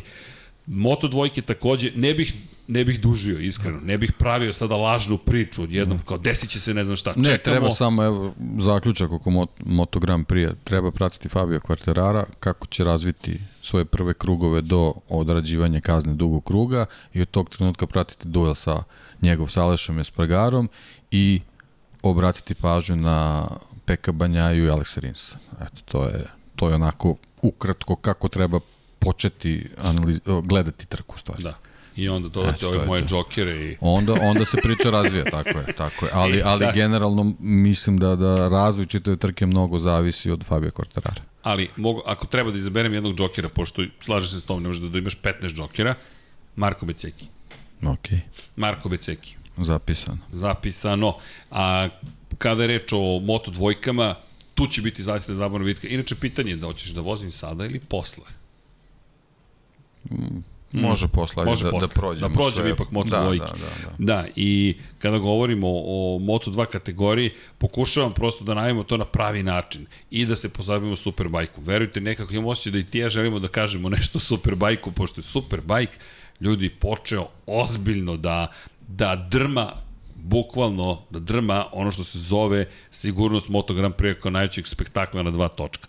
Sve više ljudi govori, jeste gledali Superbike, jeste gledali Superbike. Gledali smo Superbike, obožavamo Superbike i Superbike zaista počinje da igra jednu veoma ozbiljnu ulogu koju je igrao krajem 90-ih pre nego što je uvedena Moto Grand Prix klasa. Ali, Celestino Vijeti, to smo pričali prošle nedelje, ne bih ponavljao ceo, celo, ceo pregled sezone, nema potrebe, nema ni poen prednosti odnosu na Augusta Fernandeza. Augusto Fernandez koji je pobeđivao na ovoj stazi i ima samo jedan po, poen prednosti u odnosu na Aja Uguru. To su tri glavna takmaca. Dodaćemo, dodaćemo Arona Kanea, mislim da ga treba dodati i iz prikrika tamo vreba Toni Arbolino rekao bih. Za Joe Robertsa ne bih rekao da vreba kada je reč o borbi za titulu, ali ajde nek me ispravi ukoliko greši. Da, dobro, ako je borba za titulu, da, možda, možda je daleko, ali nije to ništa nije dramatično daleko. Tako, Fakat tako, nije nedostižno. Tako je. A što se tiče vesti iz Moto dvojke, njih je bilo još manje nego iz da. Moto Grand Prix-a. Tako da smo se najveća vest vam je pogledajte zapravo Lab 76 220 da. i upoznajte se sa prvim delom sezone srednje klase jer otprilike to je tako izgledalo. Ali zaista. Da. I šta ovde možemo da očekujemo? Pa, ja verujem da će opet biti standardno otvorena situacija pa kao da, što je uvek. sad ti si na, nabroja već vozače, s tim što bi ja ne, ne znam zašto, ali ovoga puta bi ja i Uguri dao prednost u odnosu na, na, na ovu ekipu Zanimljivo. vozača. Eto, nešto mi ovaj, nešto mi deluje da, da bi mogla ova, ova staza tu da legne i u, u čitovoj priči uvek tradicionalno, posebno kad su Moto dvojke u pitanju, dodajem Britance. Jake Dixon, Sam Lowe's, obavezno. Da, da, upravo si. Obavezno. Pogotovo rekao bih za Sema Lowesa. Dixon mislim da će biti dobar u kvalifikacijama, ali mnogo loši čak od Lowesa u trci, dok Lowe's verujem da bi ovde mogao da se iskupi da se iskupi bukvalno, pa bude dobro, u borbi da, za plasman ne, pobjedičku Nema više šta da se, da se iskupi. Aj, se iskupi, da nešto uradi pozitivno. Nešto da, da, da, da njemu, da se on dobro osjeća, eto, to je, to, to mi je želja. Baš lepo da. rečeno, da se on dobro osjeća. To je baš Tako lepo rečeno. Inače, zašto bih dodao Arana Kaneo celu priču? On je ovde pobeđivao. Neki od njegovih tih redkih pobjeda desili su se upravo ovde na Hondi u Moto3 kategoriji. Potrebna mu je dobra, dobra trka. Imao je saobraćenu nesreću Povređen je bio ozbiljno, curila mu je krv iz nosa, nekontrolisano tokom trke i u Asenu, dakle mi govorimo o trci u, u Asenu i u Nemačkoj, u Saxon ringu, on je sam odustao od trkanja u Asenu, bez obzira što je žrtvo značajne poene u šampionatu sveta, on zaostaje sada 30 bodova posle odustajanja od cijele jedne trke. Da je bio negde na svom nivou i među vodećih pet u najgorem slučaju, to je opet manje od 20 pojena razlike. Tako da Canes pravo može da se svrsta u grupu vozača koji se bore za titulu. Silverstone uz tu pobedu koju se desila fakat mnogo davno, deluje mi da je mesto na kojem ipak bismo mogli da računamo na njega. Zaista duboko verujem da u ovom trenutku će i Sito Pons svakako da mu pomaže, ali da će u ovom momentu biti veoma značajna činjenica da vozi za Sita Ponsa. Mislim da Pons je svestan da je ovo moment kada treba da mu pomogne da se ovaj vrati u igru. Tako da bih gledao Kanea od potencijalnih izjenja, ali sviđa mi se ovo što si rekao za Uguru, kada ga spomeneš, tako kao da miriše nešto na japansku trešnju i da bismo mogli da vidimo baš dobro Gaja Uguru. Možda i da čujemo da ko je drugi vozač ekipe Lučiće Kinelo Racing. To ne bi bilo iznenađenje. Mada ko zna kada će, pokušam da shvatim kada bi mogli da saopštavaju, imamo osjećaj da čekaju ili Mizano ili Japan. Pa Japan septembar je, je nekako, da, da, septembar mi je nekako period Još Kad će- Italija, da, domaća da, staza, da, da. taman da saopštiš ko ti je drugi Ja volim, vozač. volim tu tradiciju da, da, da je septembar mesec. Da tako je ranije recimo nekad i u Formuli 1 bilo i, i u kraljevskoj klasi. Ti si u septembru znao ekipe za sledeću godinu. Niko se čak nije ni trudio da ranije sazna bilo šta. Svi su čekali taj septembar. Mnogo se promenilo od onda. Nažalost, u tom, U tom u tom, pogledu. u tom pogledu. Da. Da, da, da, iz te perspektive, pa seti se samo, mislim da on je Vinjalesov potpis pre tri godine, početkom sezone zapravo u potpunosti poremetio se. Da. Mislim da... Da, e, početak sezone, to smo, ovaj, sledeća sezona počinju u E Portimao. da, to je, va, e, to je, va, to je vest. To je za- vest, to je da. vest, to je ključna vest. Ali, ali zašto smo je nekako preskočili? U maju smo pričali o tome da će se to desiti i Dobro, to u suštini je, da. nije vest, to je potvrda onoga što Potvrda, smo da. već znali, jer su iz Katra rekli da će biti opsežni radovi zapravo na stazi. Inače, Katar je to, to, to, to nismo ni znali. Prvi put sam bio ove godine na Kataru na trci, u Kataru na trci i prvo osveženje, to smo čuo od, od članova timova koji go dolaze godinama, koji su rekli, srđani, nikad nije bilo ovako. Znate zašto je bilo ulepšano sve? Pa su bili beli šatori, pa su bili osvetljeni delovi, pa su domaćinstva postojala, pa ste mogli da imate zaista sve onako lepo prijatno u okviru zone. Bila Formula 1. I onda su za potrebe Formula 1 brže bolje montažno napravili sve što su mogli.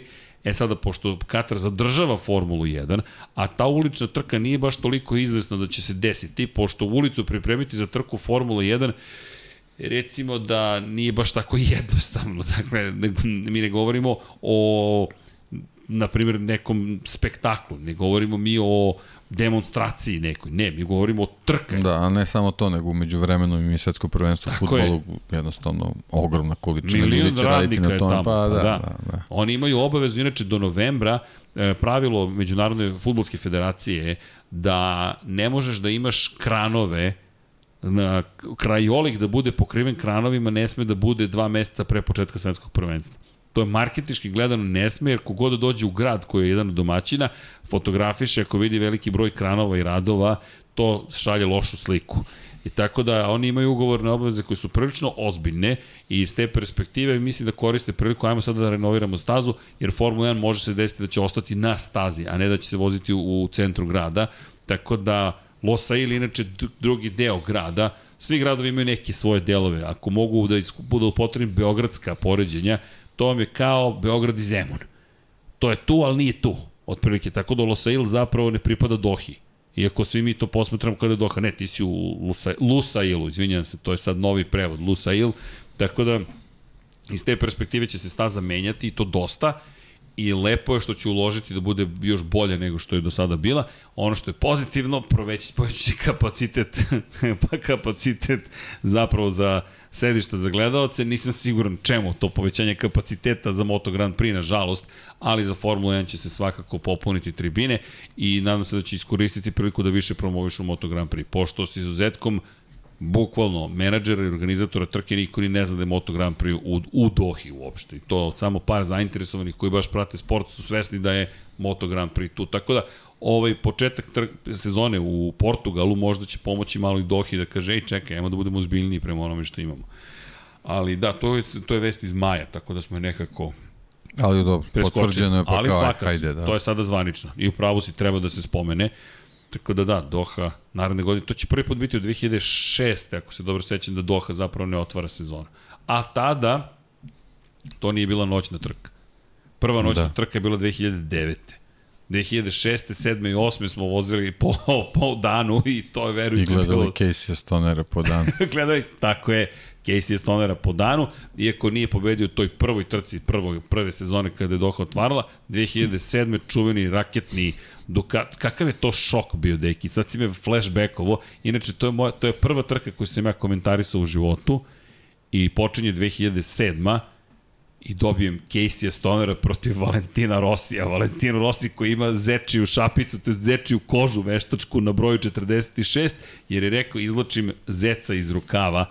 Ima valjda još nekog zeca iz rukava, to je šešira u njegovom slučaju. Pa I- da vozim još sezonu dve i to je Da, to. bukvalno je to rekao, još nekoliko sezona i to je kraj, a Casey se pojavio na onom crvenom Ducatiju i sad Casey koji su ženi, inače ovo vam je trač, nemojte sad gledajte Ne, to. to baš svima da pričate. da čutim. Ali dobro, mogu da ga spomenem posle naravno, 16 godina. naravno. Priča se da je Ducati zapravo aktivno lobirao kod Casey-a i Adriane da se venčaju tokom međusezone kako bi on bio što mirniji kada počne sezona i zapravo da je Ducati, to, to, je, to je priča koja ko godinama već kruži, da su ga bukvalno u potpunosti podržali. Da, treba da se ženiš, da, super, našao si pravu osobu, ženi se, da, bi, da, bi se, da se ne bi bavio uopšte tim aspektom života, nego to je rešeno, ti si sad oženjen i sad vozi i Casey doneo tu jednu prvu i jedinu titulu, ali kako je to bila pobjeda tu po, po, po, po sred sunca, pri čemu Rossi koji izgleda koji inače tada tokom predsezone nosio Excalibur na kacigi, jer je rekao vadim mač iz kamena. I sad gotovo je, sad ste gotovi, otprilike mislim, sad, šta sledi, ko zna, početak klase od 800 kubika i odjednom Casey koji standardni Ducati sada već, izlazite na startno ciljni pravac, Rossi vodi na startnom ciljnom pravcu, trećina startnog ciljnog pravca, Rossi je daleko iza Casey Stonera, to je tako izgledalo. I onda Rossi na kočenju nešto se približi, pa vozi, vozi, vozi na ivici, pa pretekne Casey na pola kruga, izađe iz poslednje krivine, i to bi bilo to. I tako u krug, bukvalno u krug i Casey Stoner koji je za, čovjek zabeležio prvu pobedu u karijeri tog dana, ja isto u šoku sad, gledam, vidim Casey sjajan, e znam da se tad počeli da me optužuju, ti obožavaš Casey Stonera, on nema pojma, on čovjek samo ima brzi Ducati, bla bla bla, bla bla bla, i tek čovjek kad je otišao u penziju, kada su videli sviš kako su prošli Ducati, pa možda i nije loš ovaj Casey, e, danas svi su Ave, Casey, Casey i tako dalje. Zaista je bio nevjerojatan vozač. Da, imali smo i to, taj, tu sliku na Instagramu, njegovo novo delo. Ta, Njegovo novo delo, da, šiju mu odelo. E da, vidiš. Ko zna šta to, da. Ali lepo je vidjeti viš, ga da je zdrav. Bio, nije bio na danima. Da, nije znači, bio na nije danima. bilo delo za dan. Nije bilo dela za dane. bio je u Grčkoj. Lepo se da. provodio, eto, o, vidiš, on je pošten čovjek, stavi na Instagram ili njegova gospođa da znamo gde je, gde si, šta radiš. A ne ko neki koji idu u Grčku. Sve nas obaveštava. I nema izgubim se svaki. Ideš u Grčku, Vanja? Ne, dobro. Samo je ti rekao ne. A gde ide, to niko ne zna. to su ti odgovori. To su ti odgovori. Ok, da, da. Ne. ne, ne čak ni ne. C. C. C. Plan C. Kod Vanje je plan C. Ako pratite formule, plan C. Ali dobro, plan E. To je bila moja loša šala, znači na Twitteru pre par nedelja, ali dobro, idemo dalje. Elem, da eto vidiš, Doha, setili smo se, u, u Moto2 klasi, ljudi, bilo je vrlo lepih trka u poslednje vreme i ja se nadam da će se tako nastaviti. Zaista deluje da je Moto2 klasa dobila zrele vozače koji mogu da pariraju jedni drugima.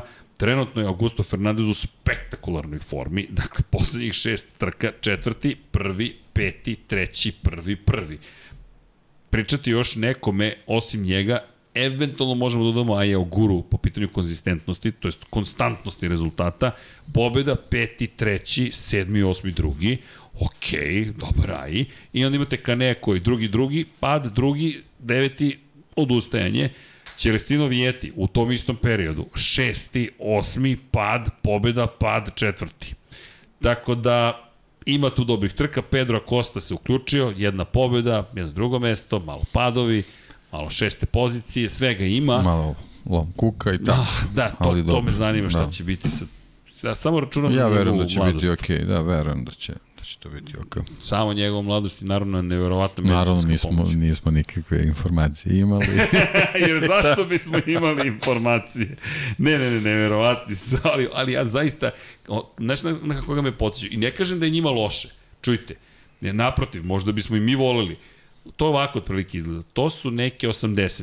Ej, došao je letnji odmor, nema da se radi, čovječ. Šta, što bismo sada radili? Šta imamo da radimo? Pa znate li taj neki posao? I ja ne mogu kažem da mi je, da ih ne razumem. Dakle, iz te perspektive, jesmo vozili? Jesmo. Jesmo pošteno odvezni? Jesmo. Može sad pauza? Može. I onako moramo da treniramo. Tako Evo, da... odmarao je na Tenerifama.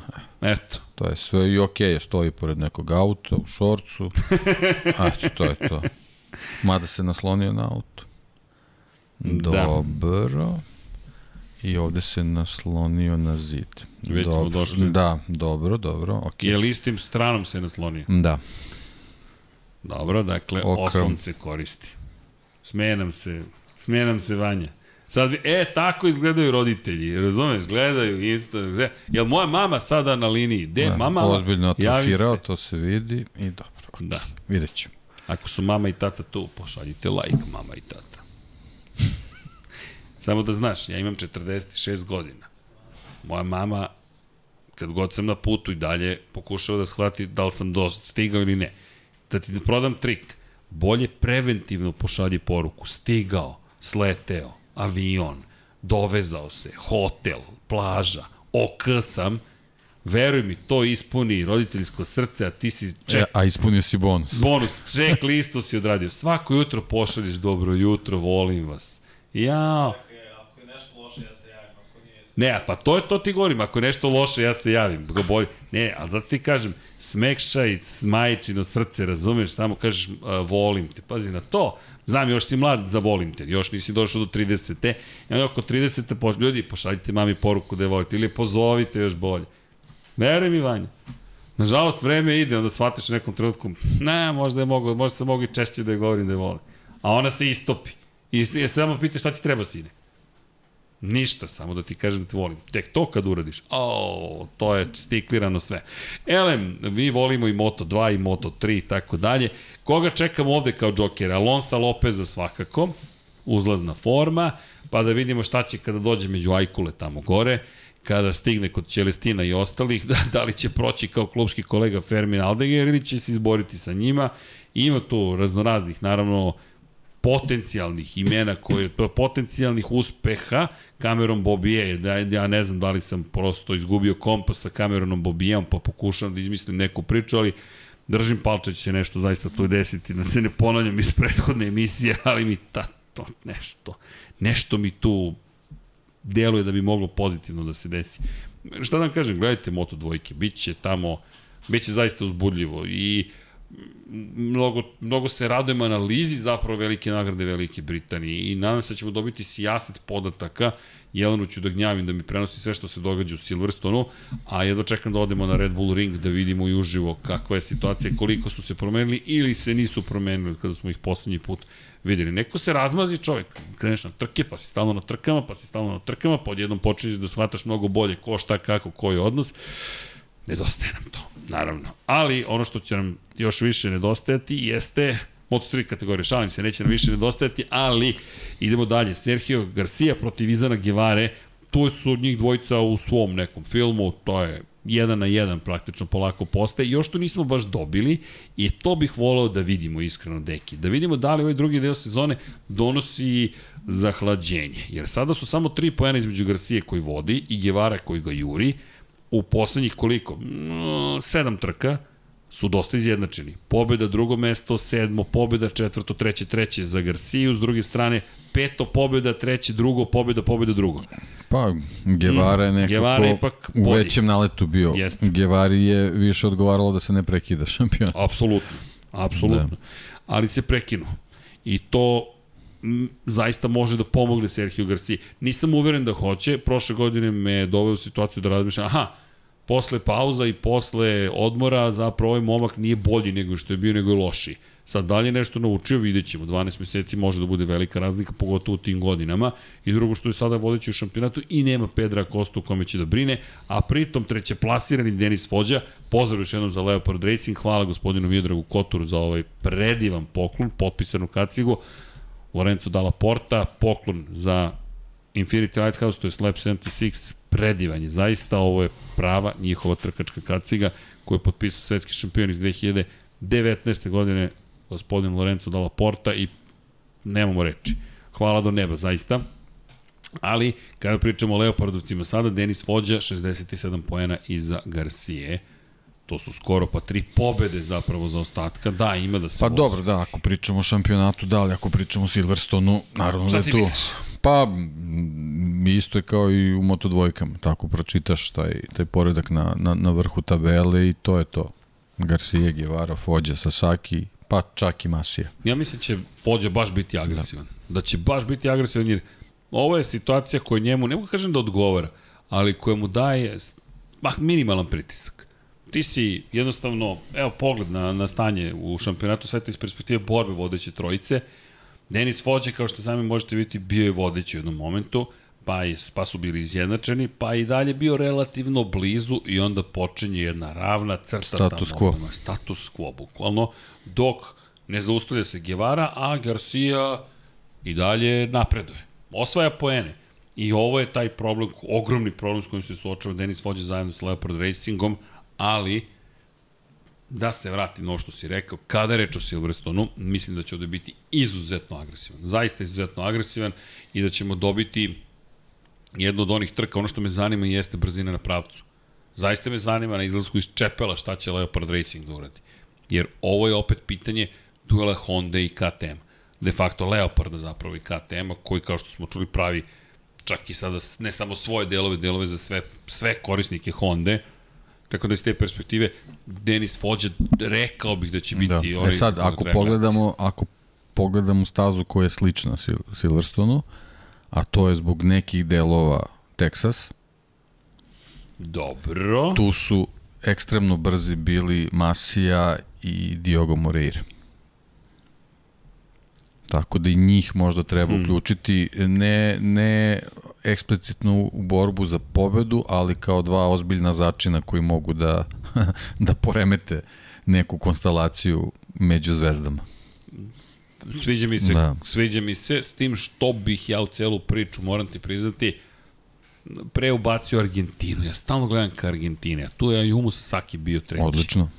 Tu je Ayumu Sasaki bio Ali dobro, treći. njega, njega smo već svrstali u, Da, da, u on je ovih, to, on da, samim da. pobedom, on je, on je u igri, nema tu šta. Znaš šta će zapravo možda biti najlepše da se desi? Da ponovo imamo bar 7-8 vozača da. tih Pa najbržih koji se bore. i, i Suzuki da bude u priči, pošto on imao, imao je lep, je pe, lep fazi. period. Da, da, e sad, taj, ta faza je već bila davno.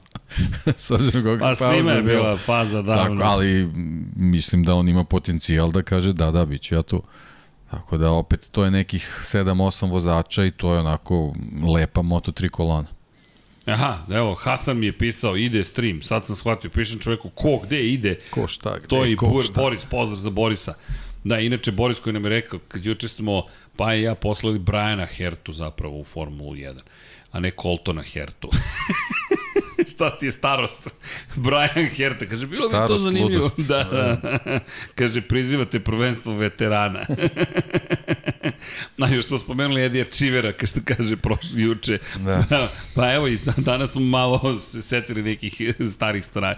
Hvala Hasane, sad smo shvatili da je stream u pitanju. Hasan, bratić, pozdrav, dami i gospodo. Hasan, ja se nadam, inače moram da vam priznam, ni Dorna ne odgovara na e-mailove. Mislim da su svi trajno na odmoru.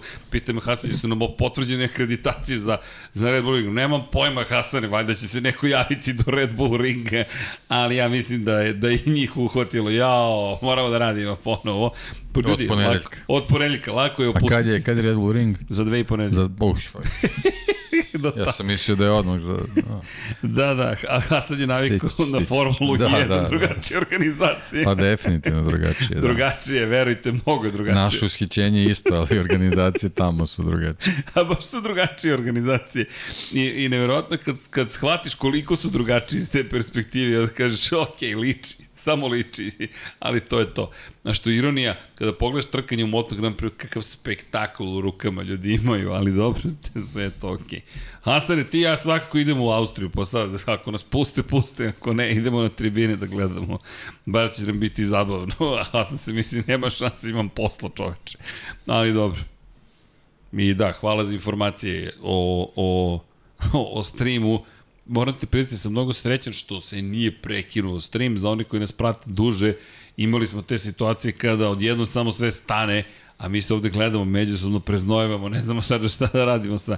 I, e da, i da se zahvalim Aleksandru, koji je pokrenuo zapravo spašavanje interneta.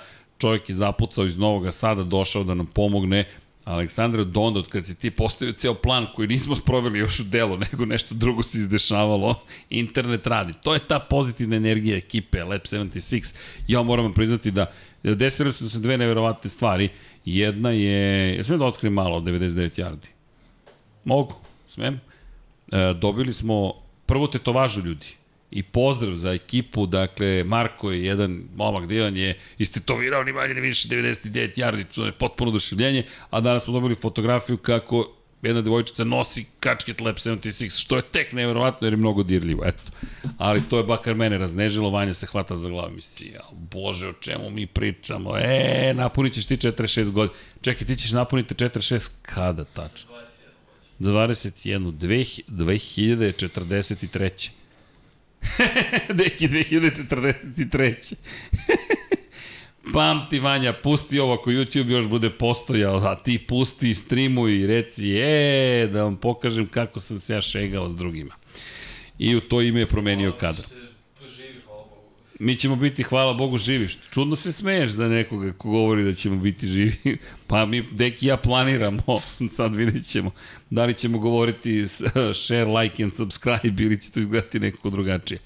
Ali dobro, da se mi vratimo na Moto trojke. Ljudi, kao i sve najave, ko zna šta će da se desi. Ja samo prežekujem ovih 7-8 vozača zaista da budu u borbi za, za najviše pozicije.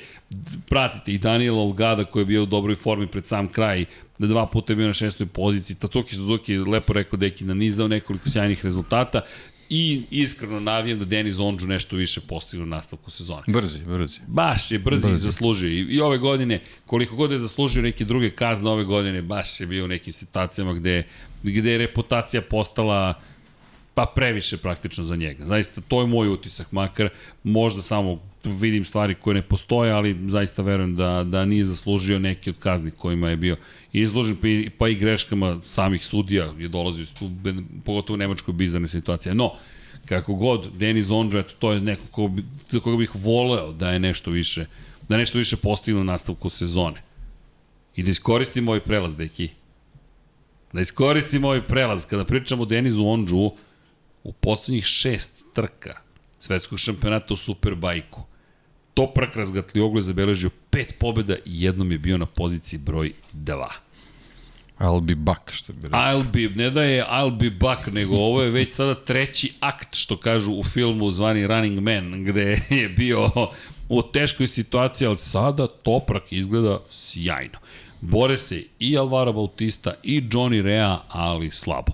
Pol pozicije osvaja Johnny Rea, četvrti, drugi, treći, Bautista prvi, treći, drugi, Toprak drugi, prvi, prvi. Ostali, ljudi, gotovo je relevantno šta će učiniti. Da Scott Redding nije bio treći u prvoj trci, ja ne znam da li bismo pričali o bilo kome osim ovoj trojici. I to ponovo Scott Redding koji sad već češće je sa BMW-om na pobjedičkom postoju. Da, BMW je onako krajnja brzina na pravcima baš je, baš je dobra, ali mora tu još nešto da bude ovaj, kad je neka drugačija konfiguracija staze.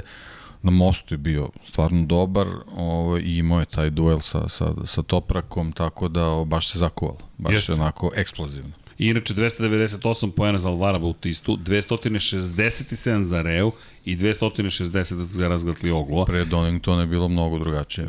Potpuno drugačije. Bautista je baš imao ovaj, veliku prednost. I onda dolazi prvi pad, jedini za sada, da. nadam se će tako i A ostati. A bukvalno taj pad mu je matematički sve pokvario. Pa da ali to nije prvi put u njegovoj karijeri. Inače, gde leži pobuna, to je zašto se Toprak buni u ovom momentu, pa zahvaljujući činjenici da je sledeća trka zakazana za 10. i 11. septembar.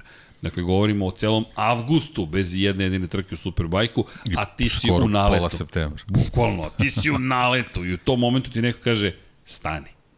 Šta da stanem? Sferagosto. Sferagosto, bukvalno se... Bukvalno, pa jesi, deki, italijani vode čitavu priču. Tako je. I u avgustu se ništa ne radi. Inače, Yamaha je italijanski tim praktično u Superbajku. Mm. Njemu se niko neće pa javljati. Da... na kraju, na kraju avgusta. Tako da opustite se ti, Hasan, sve vreme. Hasane, ovi naši počinju da rade, a njihovi sada su na, na trajnom odmoru tamo 40 dana i to je to. Ali, ali bez brige. Inače, moje predviđanje, evo vam čudno predviđanje za vikend koji dolazi Moto Grand Prix. Predviđam da će grafika prikazivati stazu u Asenu, u treningu broj 1. Deki, deki me šokirano gleda. Mogu ti otkrijem tajnu. Bilo je više navrata kojima sam ih obaveštavao, pošto su mi jedna od redkih televizija koji prenosi prvi trening. I onda prikažu staru grafiku. Da, da promene. Ja, da im ja pišem, ostala vam stara grafika. Hvala ti, srđane.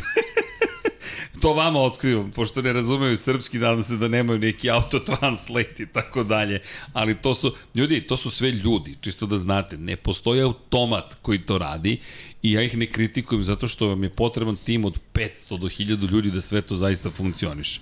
Da, čudno je da nema supervizora ili quality control momenta gde neko kaže dobro jesi pogledao stazu, ali verujte, od svih ostalih detalja uvek će vam nešto negde promaći. Prosto to se dešava.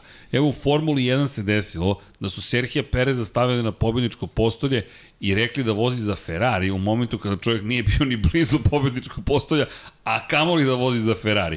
Tako da su to sve ljudski momenti, mi je nekako eto simpatično da podelimo sa vama, ali zna da se desi pogotovo posle odmora da ostane stara grafika i onda im pišeš kaže ljudi grafika je ili imali su za Za koju stazu su to imali? A da, za Barcelonu su izvukli grafiku za Formulu 1, konfiguraciju Formule 1, pa sam im pisao ljudi konfiguracije Formule 1. E, jes, hvala ti. Tako da šta će ti, to je sve deo, deo, deo sporta i zabave. Eto, malo vam otkrivamo iza kulisa, ali eto, nadam se da Nadam se da ne zamerate što, što, što malo tako. Obaramo tajne. No, da ne pobegnemo prebrzo od Superbajka. Zaista je sjajna sezona. Veliki duel Ducatija, ne, i Donington, i Donington i Most, stvarno šest, Sjajno. šest sjajnih trka. Ovo, I videli smo, videli smo varnice, znači bliske, bliske kontakte i, i posebno ovaj uh, napad Topraka u posljednjem kruku protiv Scotta Reddinga, to se ponovilo od prošle godine. Jeste.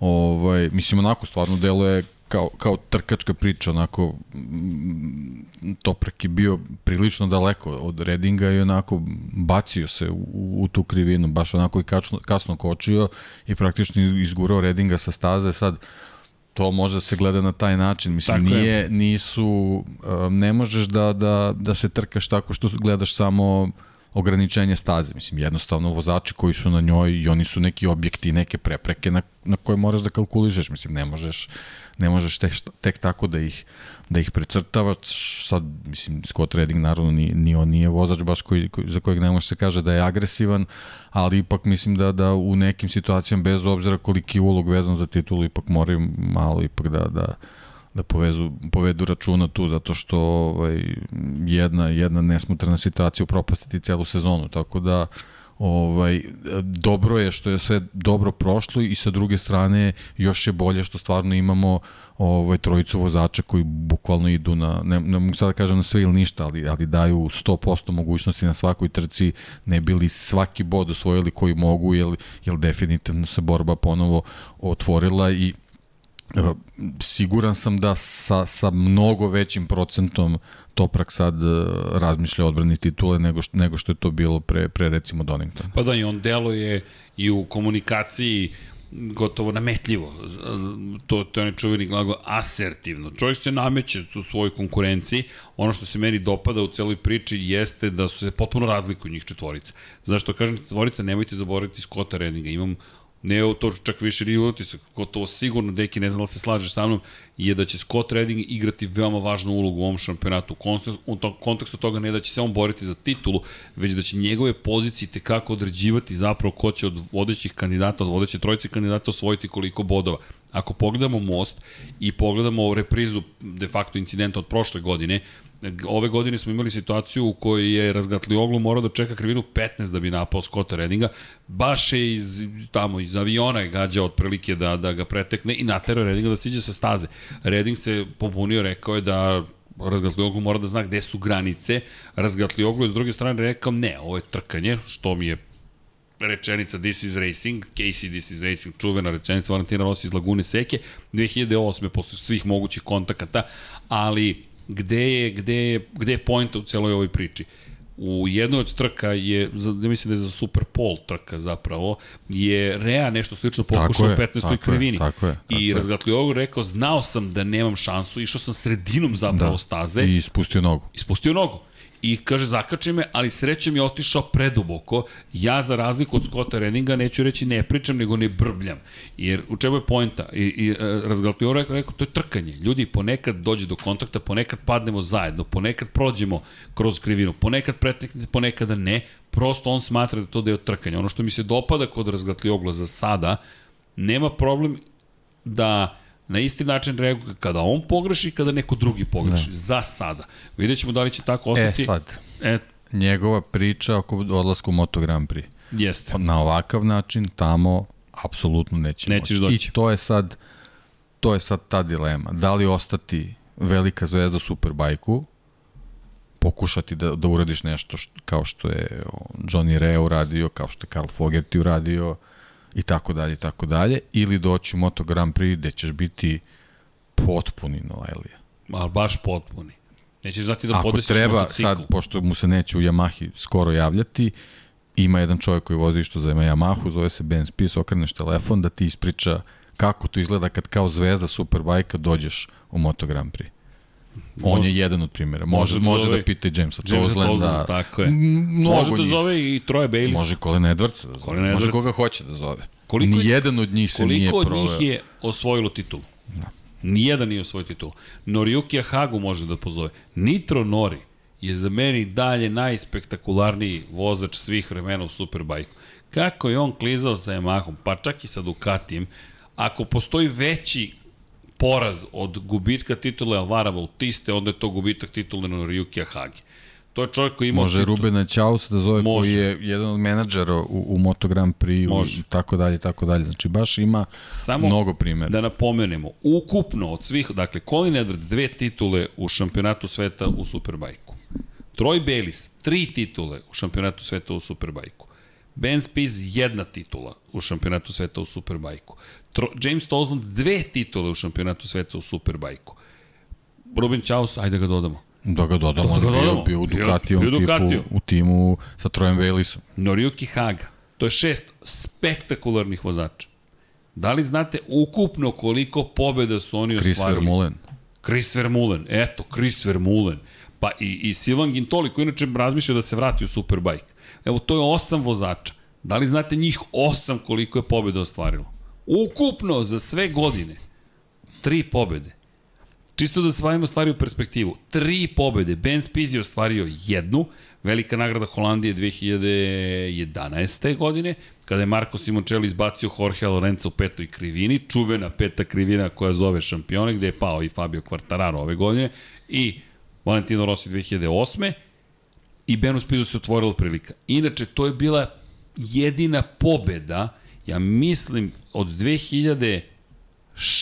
godine, ne, 2007. oprostite, do 2012. godine po suvom vozača koji se ne zove Valentino Rossi, Jorge Lorenzo, Dani Pedrosa ili Casey Stoner. Četiri čoveka su pobeđivala po suvom u Moto Grand Prix-u. Po kiši, inače, da se nastavi priča, posle te pobede James, od Bena Spiza, pre pobede njegove se desilo da je Troy Bayliss pobedio na poslednjoj trci Poslednjoj trci 2006. sezone, da. Tako je čuvena pobeda kada je Niki Hedin postao šampion. Na Ducatiju Ben Spies pobedio na fabričkoj Yamahi, na fabričkom Ducatiju pobedio Troy Bayliss i Chris Vermeulen je pobedio 2007. po kiši u Le Manu na Suzukiju. I to je to. To je to. To je tri pobede za njih trojicu. Pri čemu Ben Spies je vozio Rossijevu Yamahu. Bio klubski kolega sa Jorgeom Lorencom. I ja se dan danas sećam i to stalno ponavljam tu priču. Prvi put sam video uživo vozače na taj način, imao mogućnost da dođem na ulaz garaže i da ih posmatram izbliza i video da su oni ljudi, jer sam video strah u očima Bena Spiza. Strah. Kako strah? Zato što pored njega sedi crna mamba, Jorge Lorenzo koji se ne plaši, ne ne plaši, nego koji u Kazanova Saveli leži otprilike čovek, ja ne znam kako vozi Kazanovu Saveli i samo ređa pobede i Ben Spies koji izgleda kao da mu zaista nije dobro gde se našao. Tako da Toprak razgatlioglu Stvari izbora, da. stigne, Ja bih stvarno volao da ga vidim u Moto Grand Prix baš zbog toga što ima, što ima taj odlučan stav. Ali to može da bude mač sa dve oštrice. ali Deki mora, lepo je rekao Fabio Quartararo, ljudi ovo je mnogo tvrđi motocikl, ovo je potpuno da su drugačije gume, drugačije su kočnice, drugačiji način na koji pristupaš podešavanju motocikla. Njemu treba preozbiljan tim da ga podrži, to ono što si ti lepo rekao. Koji će inženjer sa njim sada da radi na tome da se on prilagodi svemu što ga čeka? Ne kažem da nije moguće, ali moraš da budeš projekat. Sada već govorimo o Formuli 1. Neko mora da stane iza Topraka razgatliogla na nivou fabrike ozbiljno i da kaže mi verujemo da ti u naredne dve godine možeš da dođeš do nivoa da se u trećoj sezoni boriš za titulu šampiona sveta. Ko, koja fabrika će to sada da uradi danas? Šta će Yamaha da žrtvuje Fabio Quartarara da bi se posvetila razgatli oglu? Nema šanse. Eventualno može da dobije stranu garaže koja trenutno pripada Franku Morbideliju i da mu kaže imaš dve godine, hvala lepo, ajmo da radimo. Ali to vam niko ne garantuje da će ličiti na bilo šta. Yamaha sigurno neće odvojiti dodatne resurse da deki, čemu pričamo? Pričamo o najvećoj ligi. Molim, dodatni resursi. Šta si ti u jaslicama? Ne. Ovo ti je fabrički tim Yamahe, tvoje da pobeđuješ. Izvoli idi pobedi. Tačka, kraj. I tu se ne snalazi baš svako, što ne znači da Toprak se ne bi snašao, ali mnogo Treba da je teže. šansu, da, mnogo je da, teže. Ja bih volao ako hoće, ako je zaista toliko sigurno na sebe da proba, ali okej. Mislim da ne znam, Pa ne, kažem, je stvari izbora, da li, da li, da li sledećih 5-6 godina da propustiš dominaciju u Superbajku ili da probaš Pa, Moto Grand Prix. bitke, vidi kakve da. ti bitke imaš. Pa evo pogledaj, on je, on je znači 119 bodova osvojio u, u poslednje dve trke naspram 78 Alvaro Bautista. Otvorena je priča potpuno. Otvorene kako nije Alvaro, pogotovo što sada, sada kreće Alvarov deo sezone. E, sada kreće popuštanje Alvaro koji je iznao mišljenje još o rivalima, ali Alvaro treba se bavi sobom. Standardna priča Alvaro Bautista. Povedem, dominacija i onda e, počinju problemi. A suviše lako bilo predvideti da će ovo da se desi. Plete kikice, menja Ple, frizuru. o, da, Alvaro, nema da se zabavlja. Inače, on je mnogo drag čovek, ali ovde ne pričamo o dragosti, nego pričamo o bitci Ne, ne, mora, stvarno mora da sveta. spusti glavu i mora se koncentriše ako, ako hoće ovu kampanju da dovede do kraja kako Tako treba. Je, tako je. A mi smo tačno na polovini godine. Šest trkačkih vikenda iza nas, šest ispred nas. Sad, za njega ova pauza mora da bude drugačija nego ova Moto Grand Prix pauza. Ali dobro. I moramo da se osvaremo deki na super sport. Ja, ja, ja, ja, ja jače od mene. Ja, ja ne znam šta bih ti rekao. Jesi ikad u životu čuo da neko uradi ovo što je uradio Dominik Egert? Pogotovo neko ko ima tu vrstu dominacije. Ljudi, čisto da, da, da, da, da vam napomenemo šta se desilo. Dakle, Dominik Egerter je diskvalifikovan inače. I, i zabranjeno mu je da vozi u trci broj 2 u mostu. Pao je u prvoj trci, imao incident i ostao je da leži i da glumi da mu nije dobro, ne bi li doveo do toga da redari zahtevaju crvenu zastavu, što bi mu omogućilo da na vreme se vrati nazad u svoju garažu, da mu poprave motocikl, pošto to samo može sa crvenom zastavom, i on ponovo vozi. Ja veću bizar, ne, čak nije ni bizarnost, e, e, konstantno, bez reči sam, ali nisam imao što da kažem, pokušavam da nađem adekvatnu reč, dovoljno pristojnu za ono što učinio. Za mene, Dominik inače je vrlo simpatičan, pa nekako mi dalje izmami osmeh na lice, što je potpuno nenormalna priča. Čak i to što je, zapravo to što je priznao kasnije šta je učinio mi negde dozvoljava da kažem ok, ali Da nije priznao, bi znao. Pa ne bismo, ali znaš ti, znaš gde dovodi naš Pa sport? ne, znali bismo zato što mm, lekari su pregledom utvrdili da mu nije ništa. Bukvalno nije ništa. Čak ni potres mozga. Znaš, prvo su rekli potres mozga ne može da vozi drugu trku. Inače ne bi, ne bi mogo ni drugu trku da vozi. I on, on je priznao, ali su ga diskvalifikovali. I treba da ga diskvalifikuje. I sad ću da... Ne, ozbiljno vanja. Da li znaš gde je mogao on da uvede sport? Tako čuveni dis, disrepute. U šta uvodiš sport? Uvodiš ga u jednu sramotnu situaciju. Zamisli da ti je uspelo. Ti si uveo nešto o čemu stalno pričamo, da je fenomenalno što nije deo motociklizma. Naravno da i oni svašta rade, ali postoji jedna granica koju niko do sada nije prešao. A to je da glumiš da si povređen. Znaš, to, to je, gledam futbalere, ljudi, kogod da igra futbol, i profesionalno igra u futbol, ili, ili ga igra ili trenira, poštujem to što radite.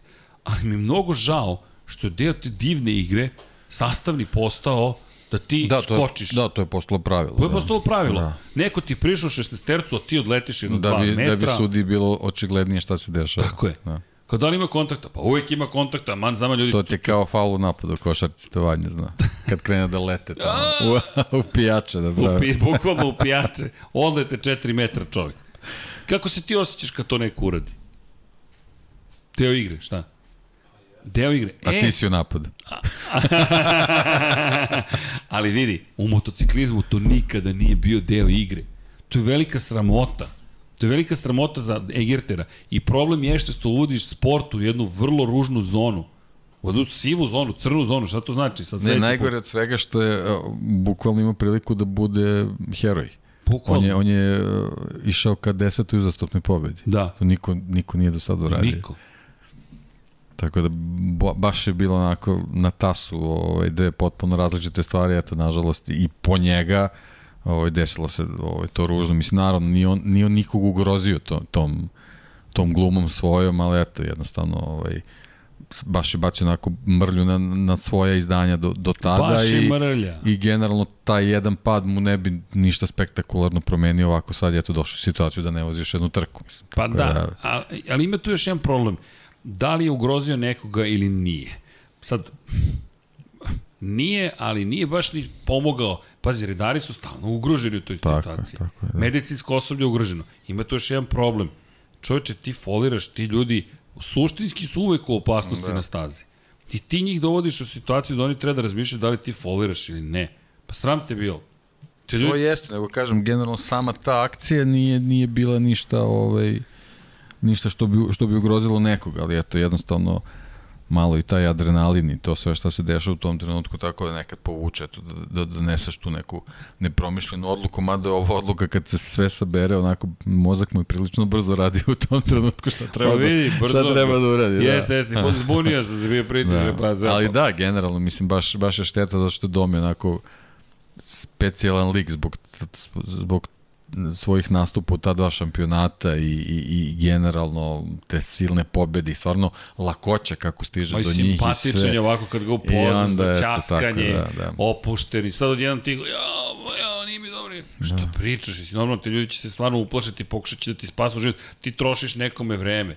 Ne, mene to nervira. Iskreno me to iznervira. Znam, znam da, i on je rekao, nis, nije mi to bila namera. I to je onaj moment u životu kad se upleteš i posle pitaš, ja, kako sam se ovo upleo. Što nisam odmah ovo rekao? Evo, topla preporuka. Svi se mi upletemo i sigurno ćete se vi uplesti, ali pokušajte što brže da kažete, e vidi, pogrešio sam, upleo sam se, ajde da pokušamo da rešimo. Da, bit će situacija kada ste to uradili, bit će situacija kada to ne uradite. Svaki put kada ne uradite, platit ćete visoku cenu. Sada je to platio Egerter. Inače, ne samo što je što se obrukao i osramotio, pa i sebi ekipu. Inače, Kervin, boss, šef TNKT ekipe je rekao da je prilično, da je za žaljenje cela situacija, da je za ekstremno žaljenje to što se desilo, ali da je jasno da je mnogo faktora uticalo na, na, na, na ovakav ishod. Međutim, rekao je TNKT ekipu ne zovu slučajno Team Rocky, prema pisanju Kreša, zato što se uvek podigne i vrati u igru, ali Team Rocky, pa Silverstone Stalo- Stallone nije se valjao i govorio ja, ja, ja, nije mi dobro kad mu je bilo dobro. Ali dobro, ajmo Team Rocky, dižite se, a Dominik Egerter vidjet ćemo kako će da reaguje. Dve pobede umeđu vremenu ostvario ko? Baldassari Lorenzo, popularni Balda, i odjednom borba za titulu šampiona sveta u supersportu se otvorila. I sada, umesto da ima potpunu dominaciju, uporni Lorenzo Baldassari u stilu ala Johnny Rea, pobeda, drugo mesto, odustajanje, drugi, drugi, treći, drugi, drugi, drugi, drugi, pol pozicija, prvi, prvi. I razlika je sada samo 14 bodova u šampionatu sveta. Do kraja šampionata, šta smo rekli, još šest trkačkih vikenda ili ti tačno smo na polovini sezone. Tako da ima tu još da se trka i bit će zanimljivo, ali pohvale za Lorenza Baldassari, odavno to nismo rekli. Iskoristio priliku, da. Iskoristio priliku, sjajno iskoristio priliku. Pohvalio bi još i Stefana Mancija, čoveka koga smo dugi niz godina pratili u Moto2 klasi, na triumfu drugo i treće mesto. Vrlo lepo. Uz dominaciju je Mahe, Ducatija, Kawasaki, koji je u dobro rukama Džana Ondžua. Vidite, triumf uopšte nije loš. Eto, triumf i u supersportu počinje polako da igra važnu ulogu. Dominik Egerter. Zašto? Ne za, je, Pa da bi bilo zanimljivo. A, da bi bilo zanimljivo. Ne, ne, ne. Molim? Ja vest sam već, ne, poludeo sam, Vanja. Poludeo sam, baš zbog toga što suštinski, znaš, to, to, je opasno. Znaš, presedam čoveče. Šta će sutra neko da vidi? Kaže, Kako "U, baš on, da. Znaš, od svih ljudi, poslednja osoba od koje bih očekivao, zaista. Pogotovo što je njegov, inače, jedan od zaštitnih znakova agresivnost, upornost, neodustajanje. I sad, šta ti to znači? Možda, znaš šta ja mislim? Da si ti u pravu zapravo, znaš u kom kontekstu? Ne, ne pitanje toliko titule, koliko desete pobjede za redom. Ja mislim da ga je to ponelo. Moguće, moguće. Da. Ali da dobro. bi, da bi dobio ponovnu priliku za start. Tako je. Pitaćemo ga, dobro Domi. Šta bi? A on će ga, ba, ne pričamo o tome, pričamo o nečem drugom. Ne, nego da pričamo o tome. Ali dobro, nećemo čovjeka da dovodimo u neprijatnu situaciju na taj način, ćemo lepo da ga pitamo. Hoćemo pričamo malo o, o mostu. Šta se desilo? Šta se desilo? Znate šta se desilo u Silverstonu? Još nismo odvezli krug. Ćemo da odvezemo krug. Ajmo brzo. Ajmo. Ajmo. Ima neko neko pitanje, ljudi. Postavljajte pitanja dok ja vozim krugove. Postavljajte pitanja. Vanja, može zvuk? Opa, dao si mi zvuk. Jao, Vanja, mnogo sam loš u ovome.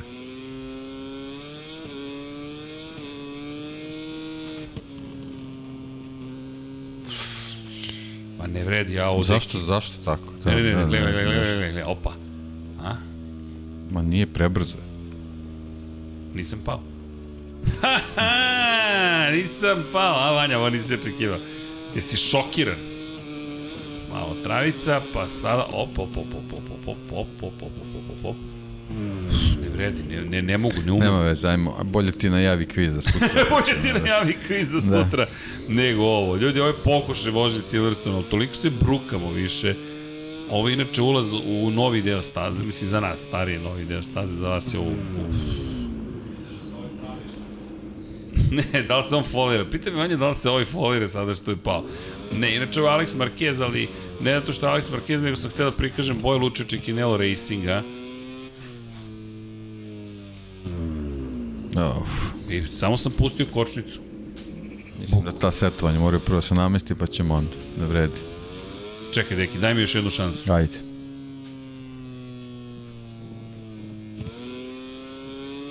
Ovo je sada Wellington pravac. Vidiš ovde sada. Ne, ne vredi, ne mogu ni da skrenem. U pomoć, dragi ljudi, ali nisam pao. Ako je za neko. Ma i sad jesi. Ne vredi. Samo sam pipnuo, samo sam pipnuo kočnicu. Znam, ovo zvuči kao vozači. samo sam pipnuo kočnicu. samo sam pipnuo. A sam oborio zadnji kraj, gledaj, gledaj, gledaj. Ne, ne, ne vidiš. Ne vredi, I ne mogu. ne skreći. Oranje, uvijek se smeješ, dakle, grozno se Kao smeješ. loptica skočica. da, da. Dobro, ovo je mnogo loše. Ja, ja zaista mislim da mi moramo mnogo da vežbamo ovde. Parkiraj se je ja to. mislim da moramo Matiju Zorića da zovemo, da, nas, da nam drži trening. Do sad nikad nisi lupao ovu... U odbojnu ovog da, grada. u Da, šoferku. ovu. da, šoferku nikad nisam slomio do sada. Šta treba da stoji pored?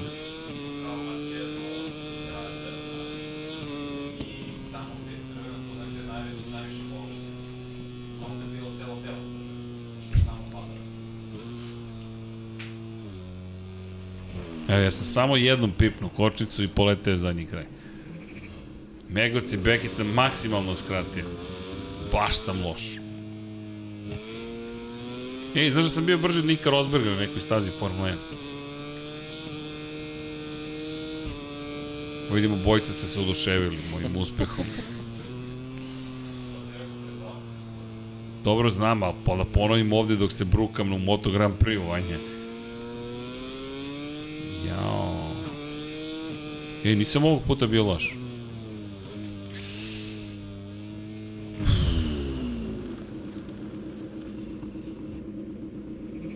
Da, ovo je baš loše. Ili ima neko pitanje, Deki? Nema, svi su zanemili, ove, prate šta radiš. da, vidim, ovo je baš bilo grozno sada. Ovo je samo za ljubitelji crnog humora, otprilike, ovo je segment zvani crni humor. Šta mora jednom?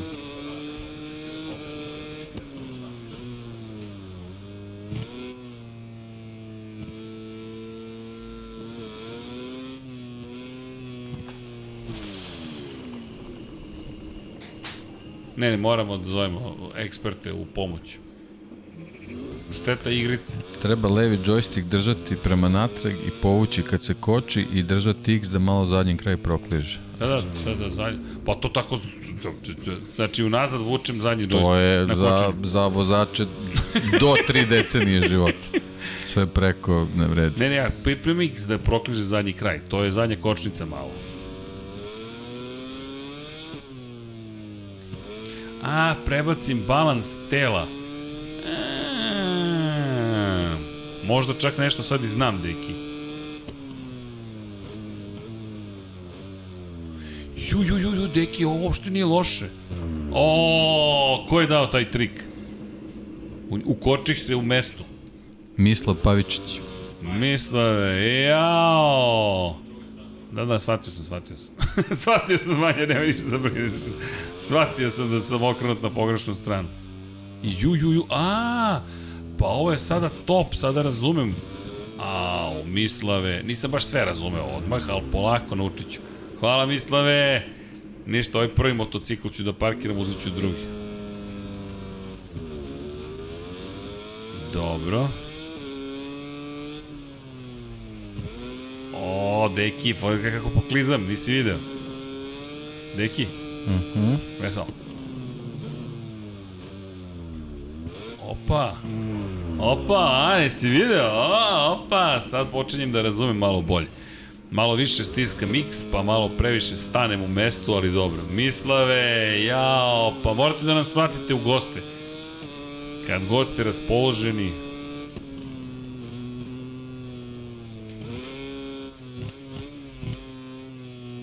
Dobro, dobro, nije toliko loše, samo da potam sad da promene smera kretanja. Ok, sad sam počeo preterujem sa klizanjem. Dobro, to bi bilo to. Hvala. ne bih vas više zadržavao u, u ovom kontu. Čekaj da vidimo da li imamo pitanja sa od naših Patreona. Da ne kažem naših pokrovitelja. Vanja, slobodno možeš da promeniš kadar ako već nisi. E, dobro, Patreon. Pitanje, pitanje, pitanje. Mario Vidović, e, ne, nemamo ništa, da vidimo šta imamo dalje. E, to sam pročito samo ime.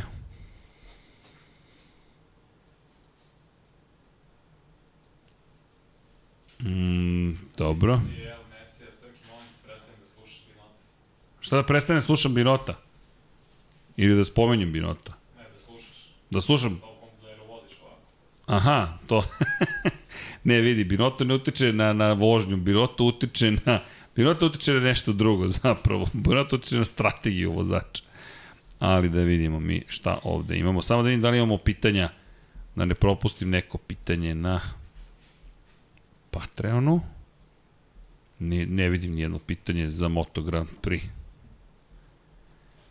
Dobro. Okej. To je to. Da li imamo u u live-u neka pitanja.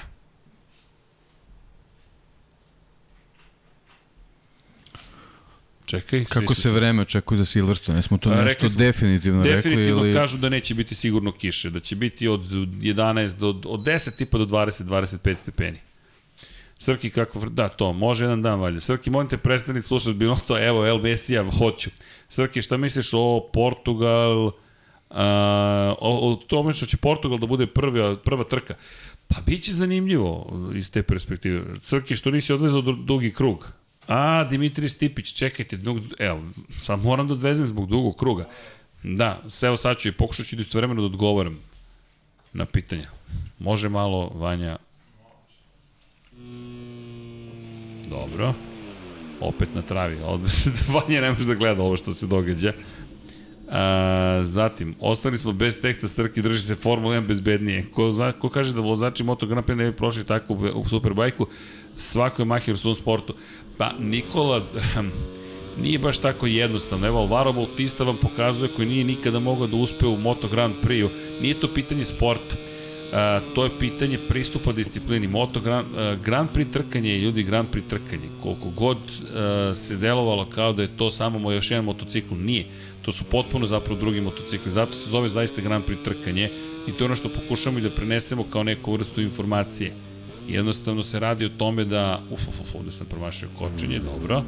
E, radi se o tome da kada vozite Moto Grand Prix motocikl, zaista morate potpuno drugačije voziti. Prilagođavanje Superbike je mnogo jednostavnije. Sjetite se Marka Simončelija. Marko je došao i u roku od odmah počeo da dominira Superbike-u. Čak je pobeđivo Maxa Bjađija na Superbike motociklima. Tako da prelaz iz Moto Grand Prix je mnogo jednostavniji i njihovih par poseta praktično par poseta je dokazalo do sada da svako ko dođe iz Moto Grand Prix u Superbike ima mnogo jednostavniji posao. Nije to nikakvo vređanje nekoga, prosto to su surove činjenice, to, to mogu da vam potvrde i vozači Superbike. Jednostavno se radi o tome Lakše da... i trening. Tako je, tako je, tako je. Uf, u deki, ovo, ovo je bio pokušaj da prođem. E, čekaj, sad mogu da okrenem se malo unazad. Evo ga, dugi krug, čekajte, malo ću sad, Vanja, ne, ne, nemoj da brineš. E, sad polukružno ovde. A. Ne da mi, ja. Sad ću ja to da organizujem. sad ću ja da organizujem jedan, e, da ima. Jesam se vratio dovoljno. Nisam, tera me na petlju. E, sad ću ja ovako. Sad ću mi da preverimo igricu. Evo ga dugi krug. A? Da ne bi vozio ceo krug, da vas ne maltretiram, da odvedem. A, kako me vratio. Mm, Sve je u redu, ispravio sam motocikl. Evo ga ovde dugi krug. Evo ga ovde, opa. Evo, ovo će Fabio da vežba. Lagano, poješće ovaj dugi krug. kratak dugi krug. Pa recimo, Može brzo možda da se odradi.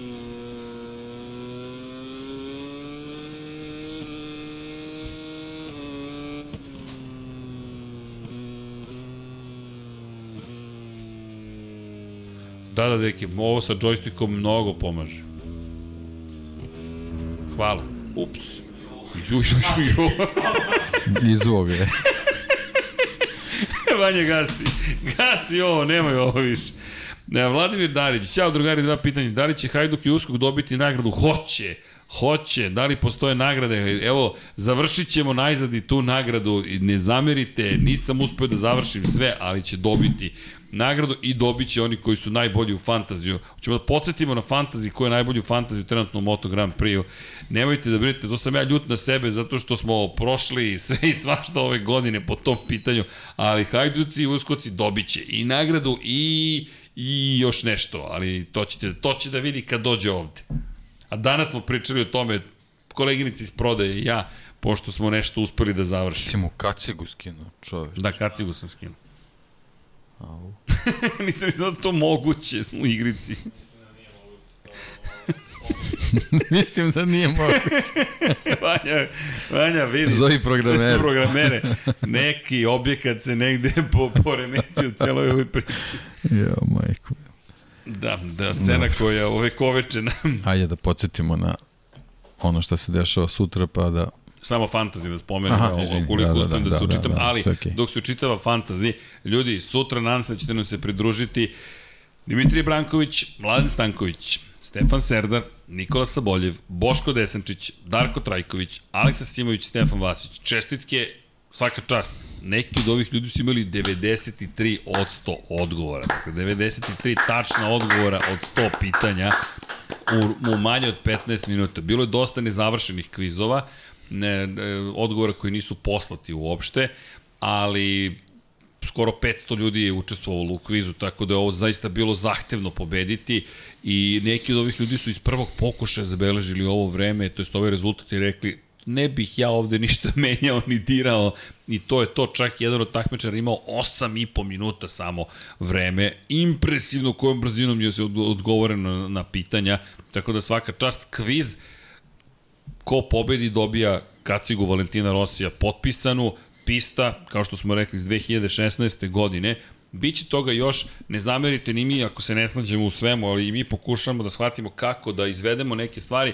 Ovoga puta smo hteli da zaista bude kviz znanja, da ne bude ko skupi više lajkova, šerova. Obično to kada se jure lajkovi, šerovi, znate šta se tu događa? Par stvari. Prvo, onda vi treba da promovišete naš kanal ili naš post ili naš nalog, onda terate ljudi da skupljate lajkove, šerove, zovete svakoga i ko je zainteresovan za ovo i ko nije zainteresovan za ovo da prati Infinity Lighthouse. Nije u tome poenta. Poenta je da dođu zaista ljudi koji su zainteresovani za ovo. Poenta istovremeno da učestvuju ljudi koji znaju o ovome, kome će kaciga Valentina Rosija zaista značiti. Mi imamo, imali smo mogućnost da neke stvari da stavljamo na aukcije, ovu nismo imali mogućnost. Ovo je davno obećano ljudi koji su nam poklonili kacigu da ćemo dati nekome ko zaista zasluži iz perspektive znanja o poznavanja karijere Valentina Rosija. Potpisao je Valentino Rossi, dakle ovo smo bukvalno mi izdistvovali, odneli smo kacigu, došli u garažu, to jest u domaćinstvo Yamahe, Jelena je lepo pitala, ljudi, možemo da dobijemo potpis, Valentino Rossi je uzeo kacigu, potpisao kacigu, mi smo rekli, hvala lepo, otišli i ovo je autentični pakle potpis, pripršće onome ko bude najbolji u kvizu, očekujte opet da znanje bude presudno, trudit ćemo se da ne bude ni previše teško, ni previše lako, prvi ide na osmog, drugi na sedmog, treći na šestog, četvrti na petog, klasično ukrštanje prosto kao i u svakom sportskom događaju i ko bude najbolji, ko bude, jel te, najviše znao, dobit će kacigu. Svi ćete dobiti po neke poklone, dakle, da li knjige, da li sve tamo piše, kačkete, majice i tako dalje, potrudit ćemo se zaista da svi budu zadovoljni. I hvala vam svima na razumevanju i mi, kažem, učimo, tako da potrudit ćemo se još da bude poklona i lepih stvari, da jednostavno nekako uveličamo, ukoliko budemo mogli neke od stvari koje dobijemo i da stavimo na neku dobrotvornu aukciju i to ćemo učiniti, zašto? Pa prosto da, da bi nekako unapredili, da bismo neke lepe stvari učinili, ništa drugo. Za sada ovo ide u ruke onoga ko bude znao najviše, a ja fantazi ne mogu da učitam. Trenutno ne radi. Izbacujem i da im ne radi prosto ceo sistem. Na odboru su, kaže Vanja. I hvala za potetnik za Hajduka i Uskoka. Ja sam iznervirao na sebe što to još uvijek nisam završio, ne zamerite, zaista molim vas.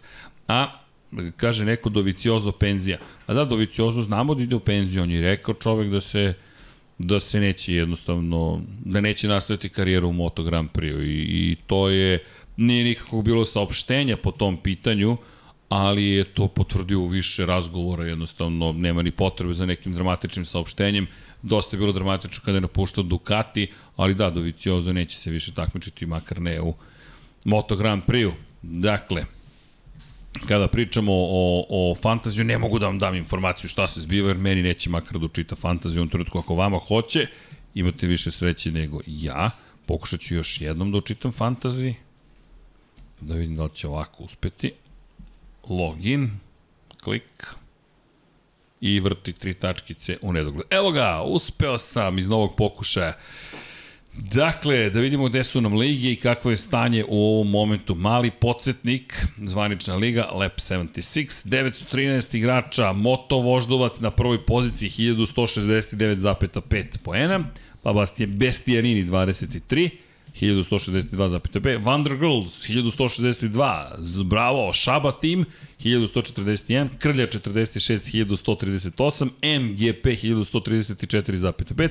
Karl Marx 1128,0. Milutin Racing 1125,5. El Diablo 20 Fabio Quartararo 1122 i Zigili Migili 10. pozicija 1119,5. Deki, ja sam ovde na poziciji 394. Svaka čast. Gde si ti? Nemam pojem. Uh, Žaka, jesi li Žaka Repagua? Pa možda sam, A, da. jesi. Žaka Repagua Racing. Ti si pozicija 746. Oh, najzad negde. Najzad. Deki se baš i nije oduševio mojom reakcijom, ali dobro, to je u redu. Paja nam ovde ne učestvuje uopšte. A nema ni koleginici iz prodaje. Dobro, samo ti i ja. Moto Grand Prix. A koleginice, morate da se takmičite u Moto Grand Prix. A takmičite se. Pa nema vas ovde. S- Jel Sirm vaša ekipa? Jeste. O, koleginica je sada 404. Jao, 404. A, koleginice, ako niste čuli, ja sam 394. Tararara, tararara. Ništa ajmo u tom svetlu da u polako. tom svetlu polako da gasimo Pakujemo, svetla i da motamo kablove. To znači da vas pobeđujem sigurno, ali sigurno Dakle, Branislav Dević kaže 180 sa tri džokera. Samo polako, bra. radi fantasy, loše ti radi PC. Nije ovo PC. Zato loše radi. A, Inače, Pelak kaže, izvinjam se, nije F1 podcast, ali hvala što ste počeli prenositi F1 na sport klubu 1, jer HD, HD nisam imao, a ostali imam, tako da hvala vam opet, mogu da pratim Formula 1. Nema na čemu, zaista, prosto, jednostavno, kada, kada je reč o, o, o izboru, to prepada uredništvu. Mi, pa ja, kao i Džanki, lobiramo dosadno i uporno, konstantno neke stvari, ali ne znam da li je to naš i sumnjam, ali kako god, eto nas na Sport klubu 1. Niko kaže još jedan komentar, please, niko ne može da me ubedi da bi Fabio ili Peko izdominirao na Toprakom Reom u Superbajku. Kažem vam, do sada istorija govori u prilog tome, ali činjenice nemamo predstavu. Zaista bilo bi lepo da vidimo da neko dođe tamo i da da vidimo šta bi mogao jedan vozač Moto Grand Prix da učini. Ja se bojim da biste se neprijatno iznenadili iskreno, jer veština koju posjeduje Moto Grand Prix vozači je na jednom van, van serijskom nivou, uz svo dužno poštovanje prema, prema vozačima Superbike, ali to je samo to je samo neko mišljenje zasnovno činjenice na, na, na nekim podacima od ranije. Uh, Da, inače, ej Srki, juče nisi mi pročitao pitanje, Kina neće biti u kalendaru 2023. zbog Tajvana. Ne, nisam siguran da, da će politička situacija otići tako daleko. Čujte, nemojte, da, da citiram Paju, nemojte baš da verujete u sve što kažu, pri čemu nije, nisu to toliko zategnuti odnosi kao što su se zategli odnosi između Rusije i Sjedinjih američkih država, neuporedive su stvari, ali inače se priča o tome da Kina neće biti u kalendaru ni naredne godine, ali nije nemoguće. Ko zna, ko zna. Uh, Srki, pokušao si da prevariš igricu MotoGP ko Kimi Raikkonen 2012. stazu u Brazilu. Kraj. Hvala. Ali, da, nisam baš pokušao, ja to nužno namerno. Kimi tamo što je vozio preko ograda, to je nešto drugo. Uh, kaže, Srki, kaže Dekiju da će zub najmanje boli, da, da, da manje boli zub od tetovaže. To je vjerojatno na konto anestezije. Ovdje ne ponavljamo, pošaljite nam isečak snimka kada je Deki rekao da će se tetovirati. Ja ga nisam dobio još uvek. Dakle, lab76 at infinitylighthouse.com pa da vidimo taj, taj moment kada se desio. E, Srki, e, nisi mi odgovorio pitanje za Portugal umjesto Kine.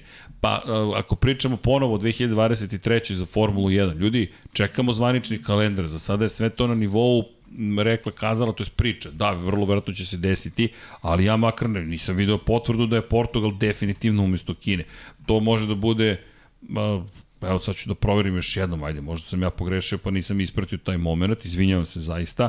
Ono što i znamo jesu da da imamo update-ove zapravo, to jest imamo najnove informacije o tome kako se pretpostavlja da će izgledati kalendar, ali ništa još uvek nije uh, nije, nije definitivno. Dakle, ono što znamo, verovatno Francuske neće biti, postoji mogućnost da nećemo imati Belgije, priča se da isto Kine da neće e, biti, priča se da je Južnoafrička republika odložena, iako smo imali veliko saopštenje da se vraćamo u Južnoafričku republiku, ali ljudi, ko zna kako će da izgleda na kraju?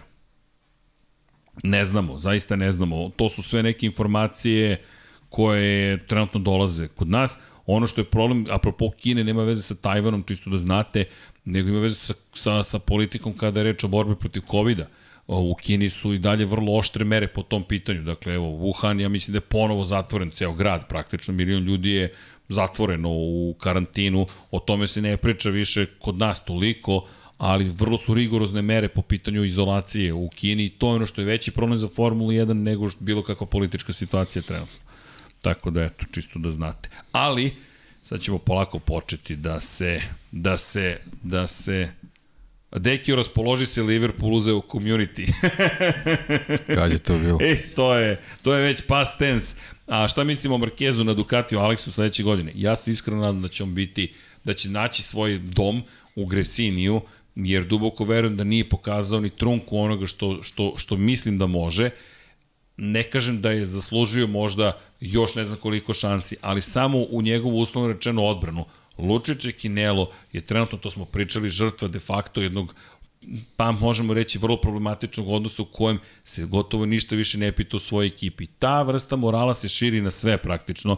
Dolazite u situaciju da, da jednostavno, da, da, bukvalno dođete u situaciju da Na kraju dana ne možete čak ni da se bavite svojim vozačima. Depresivno izgleda ekipa, verujte, to utiče. Samo zamislite sebe da idete u neku kompaniju koja je depresivna i svaki dan idete tamo i depresivna atmosfera. Čovjek bi rekao, pa kako može Moto Grand Prix da bude depresivna atmosfera? Nažalost, čak i to može da se desi, ali Zato mislim da odlaskom u Gresini, gde je atmosfera potpuno drugačija, na Ducati koji ima i veću podršku Ducatija na drugi način čak, kada pričamo o podršci, da može da i tekako prija Aleksu Markezu i konačno to je njegov, ja bih rekao, poslednja šansa. Tako da vidjet ćemo i još jedna bitna stavka koju on sam izneo, nadam se da više neću biti, to je drago mi što neću više biti u Markovoj senci. I sad, ove nedelje vozit će se i 8 časova Suzuki. Da, nije bilo 8 časova Suzuki, to, to, to je isto bitno da se vraća. A šta mislim, da li postoji šansa da Valentina Rossi dovede u Lab 76? Postoji. Naravno da postoji. postoji. Naravno da postoji, pa mi radimo uporno na tome, čisto da, da, da, da, da znate. E, eto, to je ono što, to je naš cilj. Bukvalno verujte, jedan od naših ciljeva. Da li ćemo uspeti? Šta posle toga možda bude epizoda? Šta posle toga možda epizod, bude epizoda? Ne znam. Nema. Pazi, to znači da smo imali Novaka Đokovića, Valentina Rosija, ko zna koga ćemo još imati, pa Tom Brady da nam dođe ovde. Mi da, i, zatvor, može, i zatvorimo studio. Pa da. I onda Michael Jordan samo dođe kod Luke i Kuzme i kažemo hvala lepo, ne dirajte više ništa ovde i to je to. Upalimo svetla i onda, e, onda, znaš kako izgleda podcast? Konstantno emitovanje upaljenih svetala. I to je to. Obaramo rekord. Inače, hvala Majo. Maja Nakaradić kaže, inače na Everything Motor, Everything Motor Racing ima stalno novih informacija, kao i to da će Kosta voziti za vikend. To, ono što smo, da. to, to, to smo i pričali, da, da. A da li se Marquez vraća ove sezone? Deki, šta ti kažeš? Pa, deluje da, da postoji šansa. Ja mislim da će se vratiti. Ja mislim da će se vratiti pre kraja sezone. Posle ovih kadrova, sve više sam siguran. Kaže Stoner, Hamilton, Kimi, dakle, moramo sve njih da dovedemo, okej. Okay. Što najgori case je Stonera možda, znaš da sam hteo da, da ga zovem sad dok je bio u Grčkoj, ali sam rekao, ok, srđane, ne možeš još i to da ubaciš u, u i ovako pregust raspored svega što se događa, ali verujte, potrudit ćemo se. Tako da eto, odgovorili smo na to pitanje, čisto da znate da, da ja verujem da će se Marquez vratiti. To je moje samo mišljenje na osnovu ovih foto. Ove fotografije, kada sam video ruka, gore, ispržen, ožiljak je mnogo manji, to je to. Kaže Ognjen, na tragu sam deki, u ovo vreme si govorio da će Sainz pobediti, pa pogodio čovjek. Evo, pobedio Silverstone ove godine. Dobro, čekamo taj snimak. Da je Deki rekao da će se tetovirati ukoliko se ne znam šta desi zaista ne znam a šta, ali dobro. Kad dobijemo snimak, znaćemo o čemu pričamo. A, do tada, da vas pozdravimo u ime cele ekipe. Zašto malo žurimo danas? Ljudi, treba organizovati kviz i čeka nas vrlo ozbiljna priprema u okviru studija. Gledam Vanju koji spavao, nije, ali Vanja, moraš da se javiš kad dođeš kuće, šalim se naravno. Da, kako? Nećeš ni sutra spavati. Dobro, ti ideš na odmor. Kad si rekao 19 to, ljudi, pratite Vanja 99 JRD, jel tako beš? To je to, to na Twitteru, ako možete da ga zapratite. Na Instagramu, ne na Twitteru, ti nisi na Twitteru. Dobro, koleginici iz prodaje, nemojte da sada reagujete tako. Ljudi, očigledno raspoloženje na visokom nivou, zašto? Zato što stiže, najzad stiže nastavak sezone Moto Grand Prix-a i to će da bude mega zabavno. Petak ujutro se kreće, malo je pomeren prosto satnica pošto je u Velikoj Britaniji, nemojte to da zaboravite, dakle ne krećemo u ona redovna vremena, već, evo samo da vam to ponovim i da onda pročitamo sve naše drage članove na YouTube-u i Patreone, Vanja pripremi muziku, nadam se da je spremna muzika. Dakle, kada je reč o rasporedu za ovaj vikend u petak, kada je reč o trenizima broj 1 i 2, 10.00 početak, idu, trening, idu treninzi broj 1 Moto trojci, trojke, prostite Moto Grand Prix i Moto 2 klase. Zatim, od 14 časova i 15 minuta Moto trojke, pa u 15.10 Moto Grand Prix, u 16.10 Moto 2. U subotu družimo se od 10 ujutro, praktično ceo dan se družimo, kvalifikacije su po podnevnim časovima i trke, kao što smo rekli, od 12.20, 14.00 i 15 časova i 30 minuta. Inače, imaćemo u 10.20 početak jutarnjih treninga, da ne kažem zagrevanja. I tako će izgledati ovaj trkački vikend, jedva čekam da počne, a jedva čekam i da krenemo da čitamo imena ljudi koji su se učlanili, ko želi neka klikne join dugme i postane svetiočar početnik, Mortal Kombat, Nikor 24, Vladan Đurić, korespondent, korespondent, Kosta Berić, Žarko Jovanović, Marakos, Dejan Ilijev, Igor Ilić, Zlatko Marić, Milan Knežević, Aleks Vulović, Vuk, Milan Kokorus, Nemanja Cimbaljević, Bojan Pejković, Koja 7, Almir Vuk, Resničanin, Petar Bjelić, Kro Robi 0-0, Pavel Lukić, Nikola Božović, Marko Bogavac, Milorad Reljić, Andreja David, Nenad Lukić, Saša Stevanović, Toni Stoni 76, Nikola Niksi, Branko Rašević, Nemanja Bračko, Nikola Grđan, Miloš Stanimirović, Vukašin Felbom, Voča Pero, Marko Stojitković, Bakadu, Bojan Gitarić, Ivan Magdalenić, Ivan Vujasinović, Tatjana Lemajić, Veselin Vukićić, Branislav Dević, Vukašin Vučenović, Almedin Ahmetović, Nemanja Labović, Aleksandar Kockar, Miloš Zed, LFC, Nikola Kojić, Nemanja Miloradović, Zvonimir Papić, Marina, Vlada Ivanović, Oliver Nikolić, Andrija Todorović, Jelena Jeremić, Aleksandar Nikolić, Lukas Kok, Nemanja, Bojan Markov i Danilo Petrović. Zatim, kada je reč o ljudi koji, ljudima koji nas podržavaju na Patreonu, možete i vi, patreon.com kroz Infinity Lighthouse. Imamo zaista zadovoljstvo i čast da ste nam vi publika, lepo je družiti se sa vama, a tamo su Saša Ranisavljević, Nikola Milosavljević, Marko Kozić, Šmele, Marko Petrekanović, Milan Apro, Branimir Rijavec, Nemanja, Jasmina Pešić, Matija Rajić, Zoran Cimeša, Danijela Ilić, Đole, žena mi zna, Andreja Miladirović, Borislav Jovanović, Miloš Radosavljević, LFC, Crnogorski džedaj, Grgo Živeljić, Vlado Ivanović, Crnogorski džedaj, samo lepo da izgovorim, Vlada Ivanović, Jugoslav Krasnić, Nenad Pantelić, Andreja Branković, Nebojša Živanović, Ivan Rečić, Andrej Bicok, Veselin Vukićić, Dimitrije Mišić, Ivan Cigir, Safet Isljami, Ivan Panajotović, Boris Erceg, Džigi Bao, Branislav Kovačević, Depressed Cody, Garban Fen, Aleksandar Jurić, Vladimir Filipović, Vladimir Pet Petković, Đorđe Đukić, Pavle Nj, Miloš Todorov, Emir Mešić, Andrija Todorović, Ertan Prelić, Alen, Bahtjar Abdurmanov, Predak Pežurica, Dejan Đokić, Ferenc Laslov i Branko Bisački, Žarko Milić, Aleksandar M, pozdrav za Aleksandra koji je došao da nam pomaže oko interneta i da onda radi. Igor Gašparević, Vukašin Jekić, Branislav Marković, Igor Vučković, Aca Vizla, Dejan Vojović, Nemanja Zagorac, Aleksandar Antonović, Novak Tomić, Boris Kundžić, Tijana Vidanović, Aleksa Jelić, da žena ne sazna, Dušan Petrović, Lazar Pejović, Stefan Deljković, Nemanja Jeremić, Zoran Majdov, Mihovil Stamičar, Nikola Stojanović, Jesenko Samrđić, Bojan Majstorović, Antonio Novak, Stefan Milošić, Miroslav Cvetić, Đole Bronkos, Ognjan Marinković, Vukašin Vučenović, Nemanja Miloradović, Marina Mihajlović, Dušan Ristić, Miloš Vojtić, Marina, ako sam dobro video, bila si da Hungar ringu, pozdrav poseban za Marinu, nadam se se lepo provela. Zatim Luka Manitašević, Zorana Vidić, Marko Horg, Boris Golubar, Mirjana Živković, Josip Kovačić, Andrej Božo, Boris Gvozden, Nenad Simić, Petar Relić, Bojan Mijatović, Milan Nešković, Borko Božunović, Marko Ćurčić, Mlađan Antić, Kristijan Šestak, Stefan Vidić, Zatim Ivan Hornjak, Žorž, Luka Savić, Jelena Mak, Goša 46, Kovačević, Omer, Monika Erceg, Vučinić, Miroslav, Vučinić, Miroslav, Nenad Đorđević, Nikola Božinović, Filip, Filip Banovački, Miho, Mihajlo Krgović, Đorđe Radović, Predrag Simić, Ivan Simonović, Zoran Šalamun, pa jedna anonimna osoba, Miloš Banduka, Mario Vidović, Zoltan Mezej, Stefan Lešnjak, Ivo Maksimović, Toni Ruščić, Milan Đurđević, Marko Bogovac, Nikola Grujičić, Marko Mostarac, Mladen Krstić, Marko Čuković, Stefan Dulić, mislim da se PlayStation upravo gasi lagano, ali sigurno. Stefan Dulić, dakle, Ivan Toškov, Sava Dugi, Jelena Jeremić i Ozren Prpić. Jesi budan, deki? Čitaš nešto? Smeš mi se čudno, e, dragi prijatelji, prijateljice, poznanici, poznanice i svi dragi divni ljudi. Želimo vam jednu lepu, laku noć, mazite se pazite se, vozite, vodite računa jedni drugima. Nemam pojma koja je kamera, pošto je monitor danas prikazivao PlayStation, ali nije li bitno važno da je raspoloženje na nivou. Imate ovu brazilsku zastavu, to jest majicu koju Deki promoviše uporno. Ja sam ovu čast vodećeg u šampionatu sveta obukao u bojama Yamahe Fabio Kvartarara, samo za vas večeras, gospodin Dejan Potkonjak, moja malenkost, Srđan Erceg, Gospodin Vanja Milićević, koleginice s prodaje, Dom Pablo i ne znam da li još nekoga ima tamo ili nema, a Deki je raspoložen, ok, ovo neka, neki ples novi smo uvili, lep, Jao, Ples 76.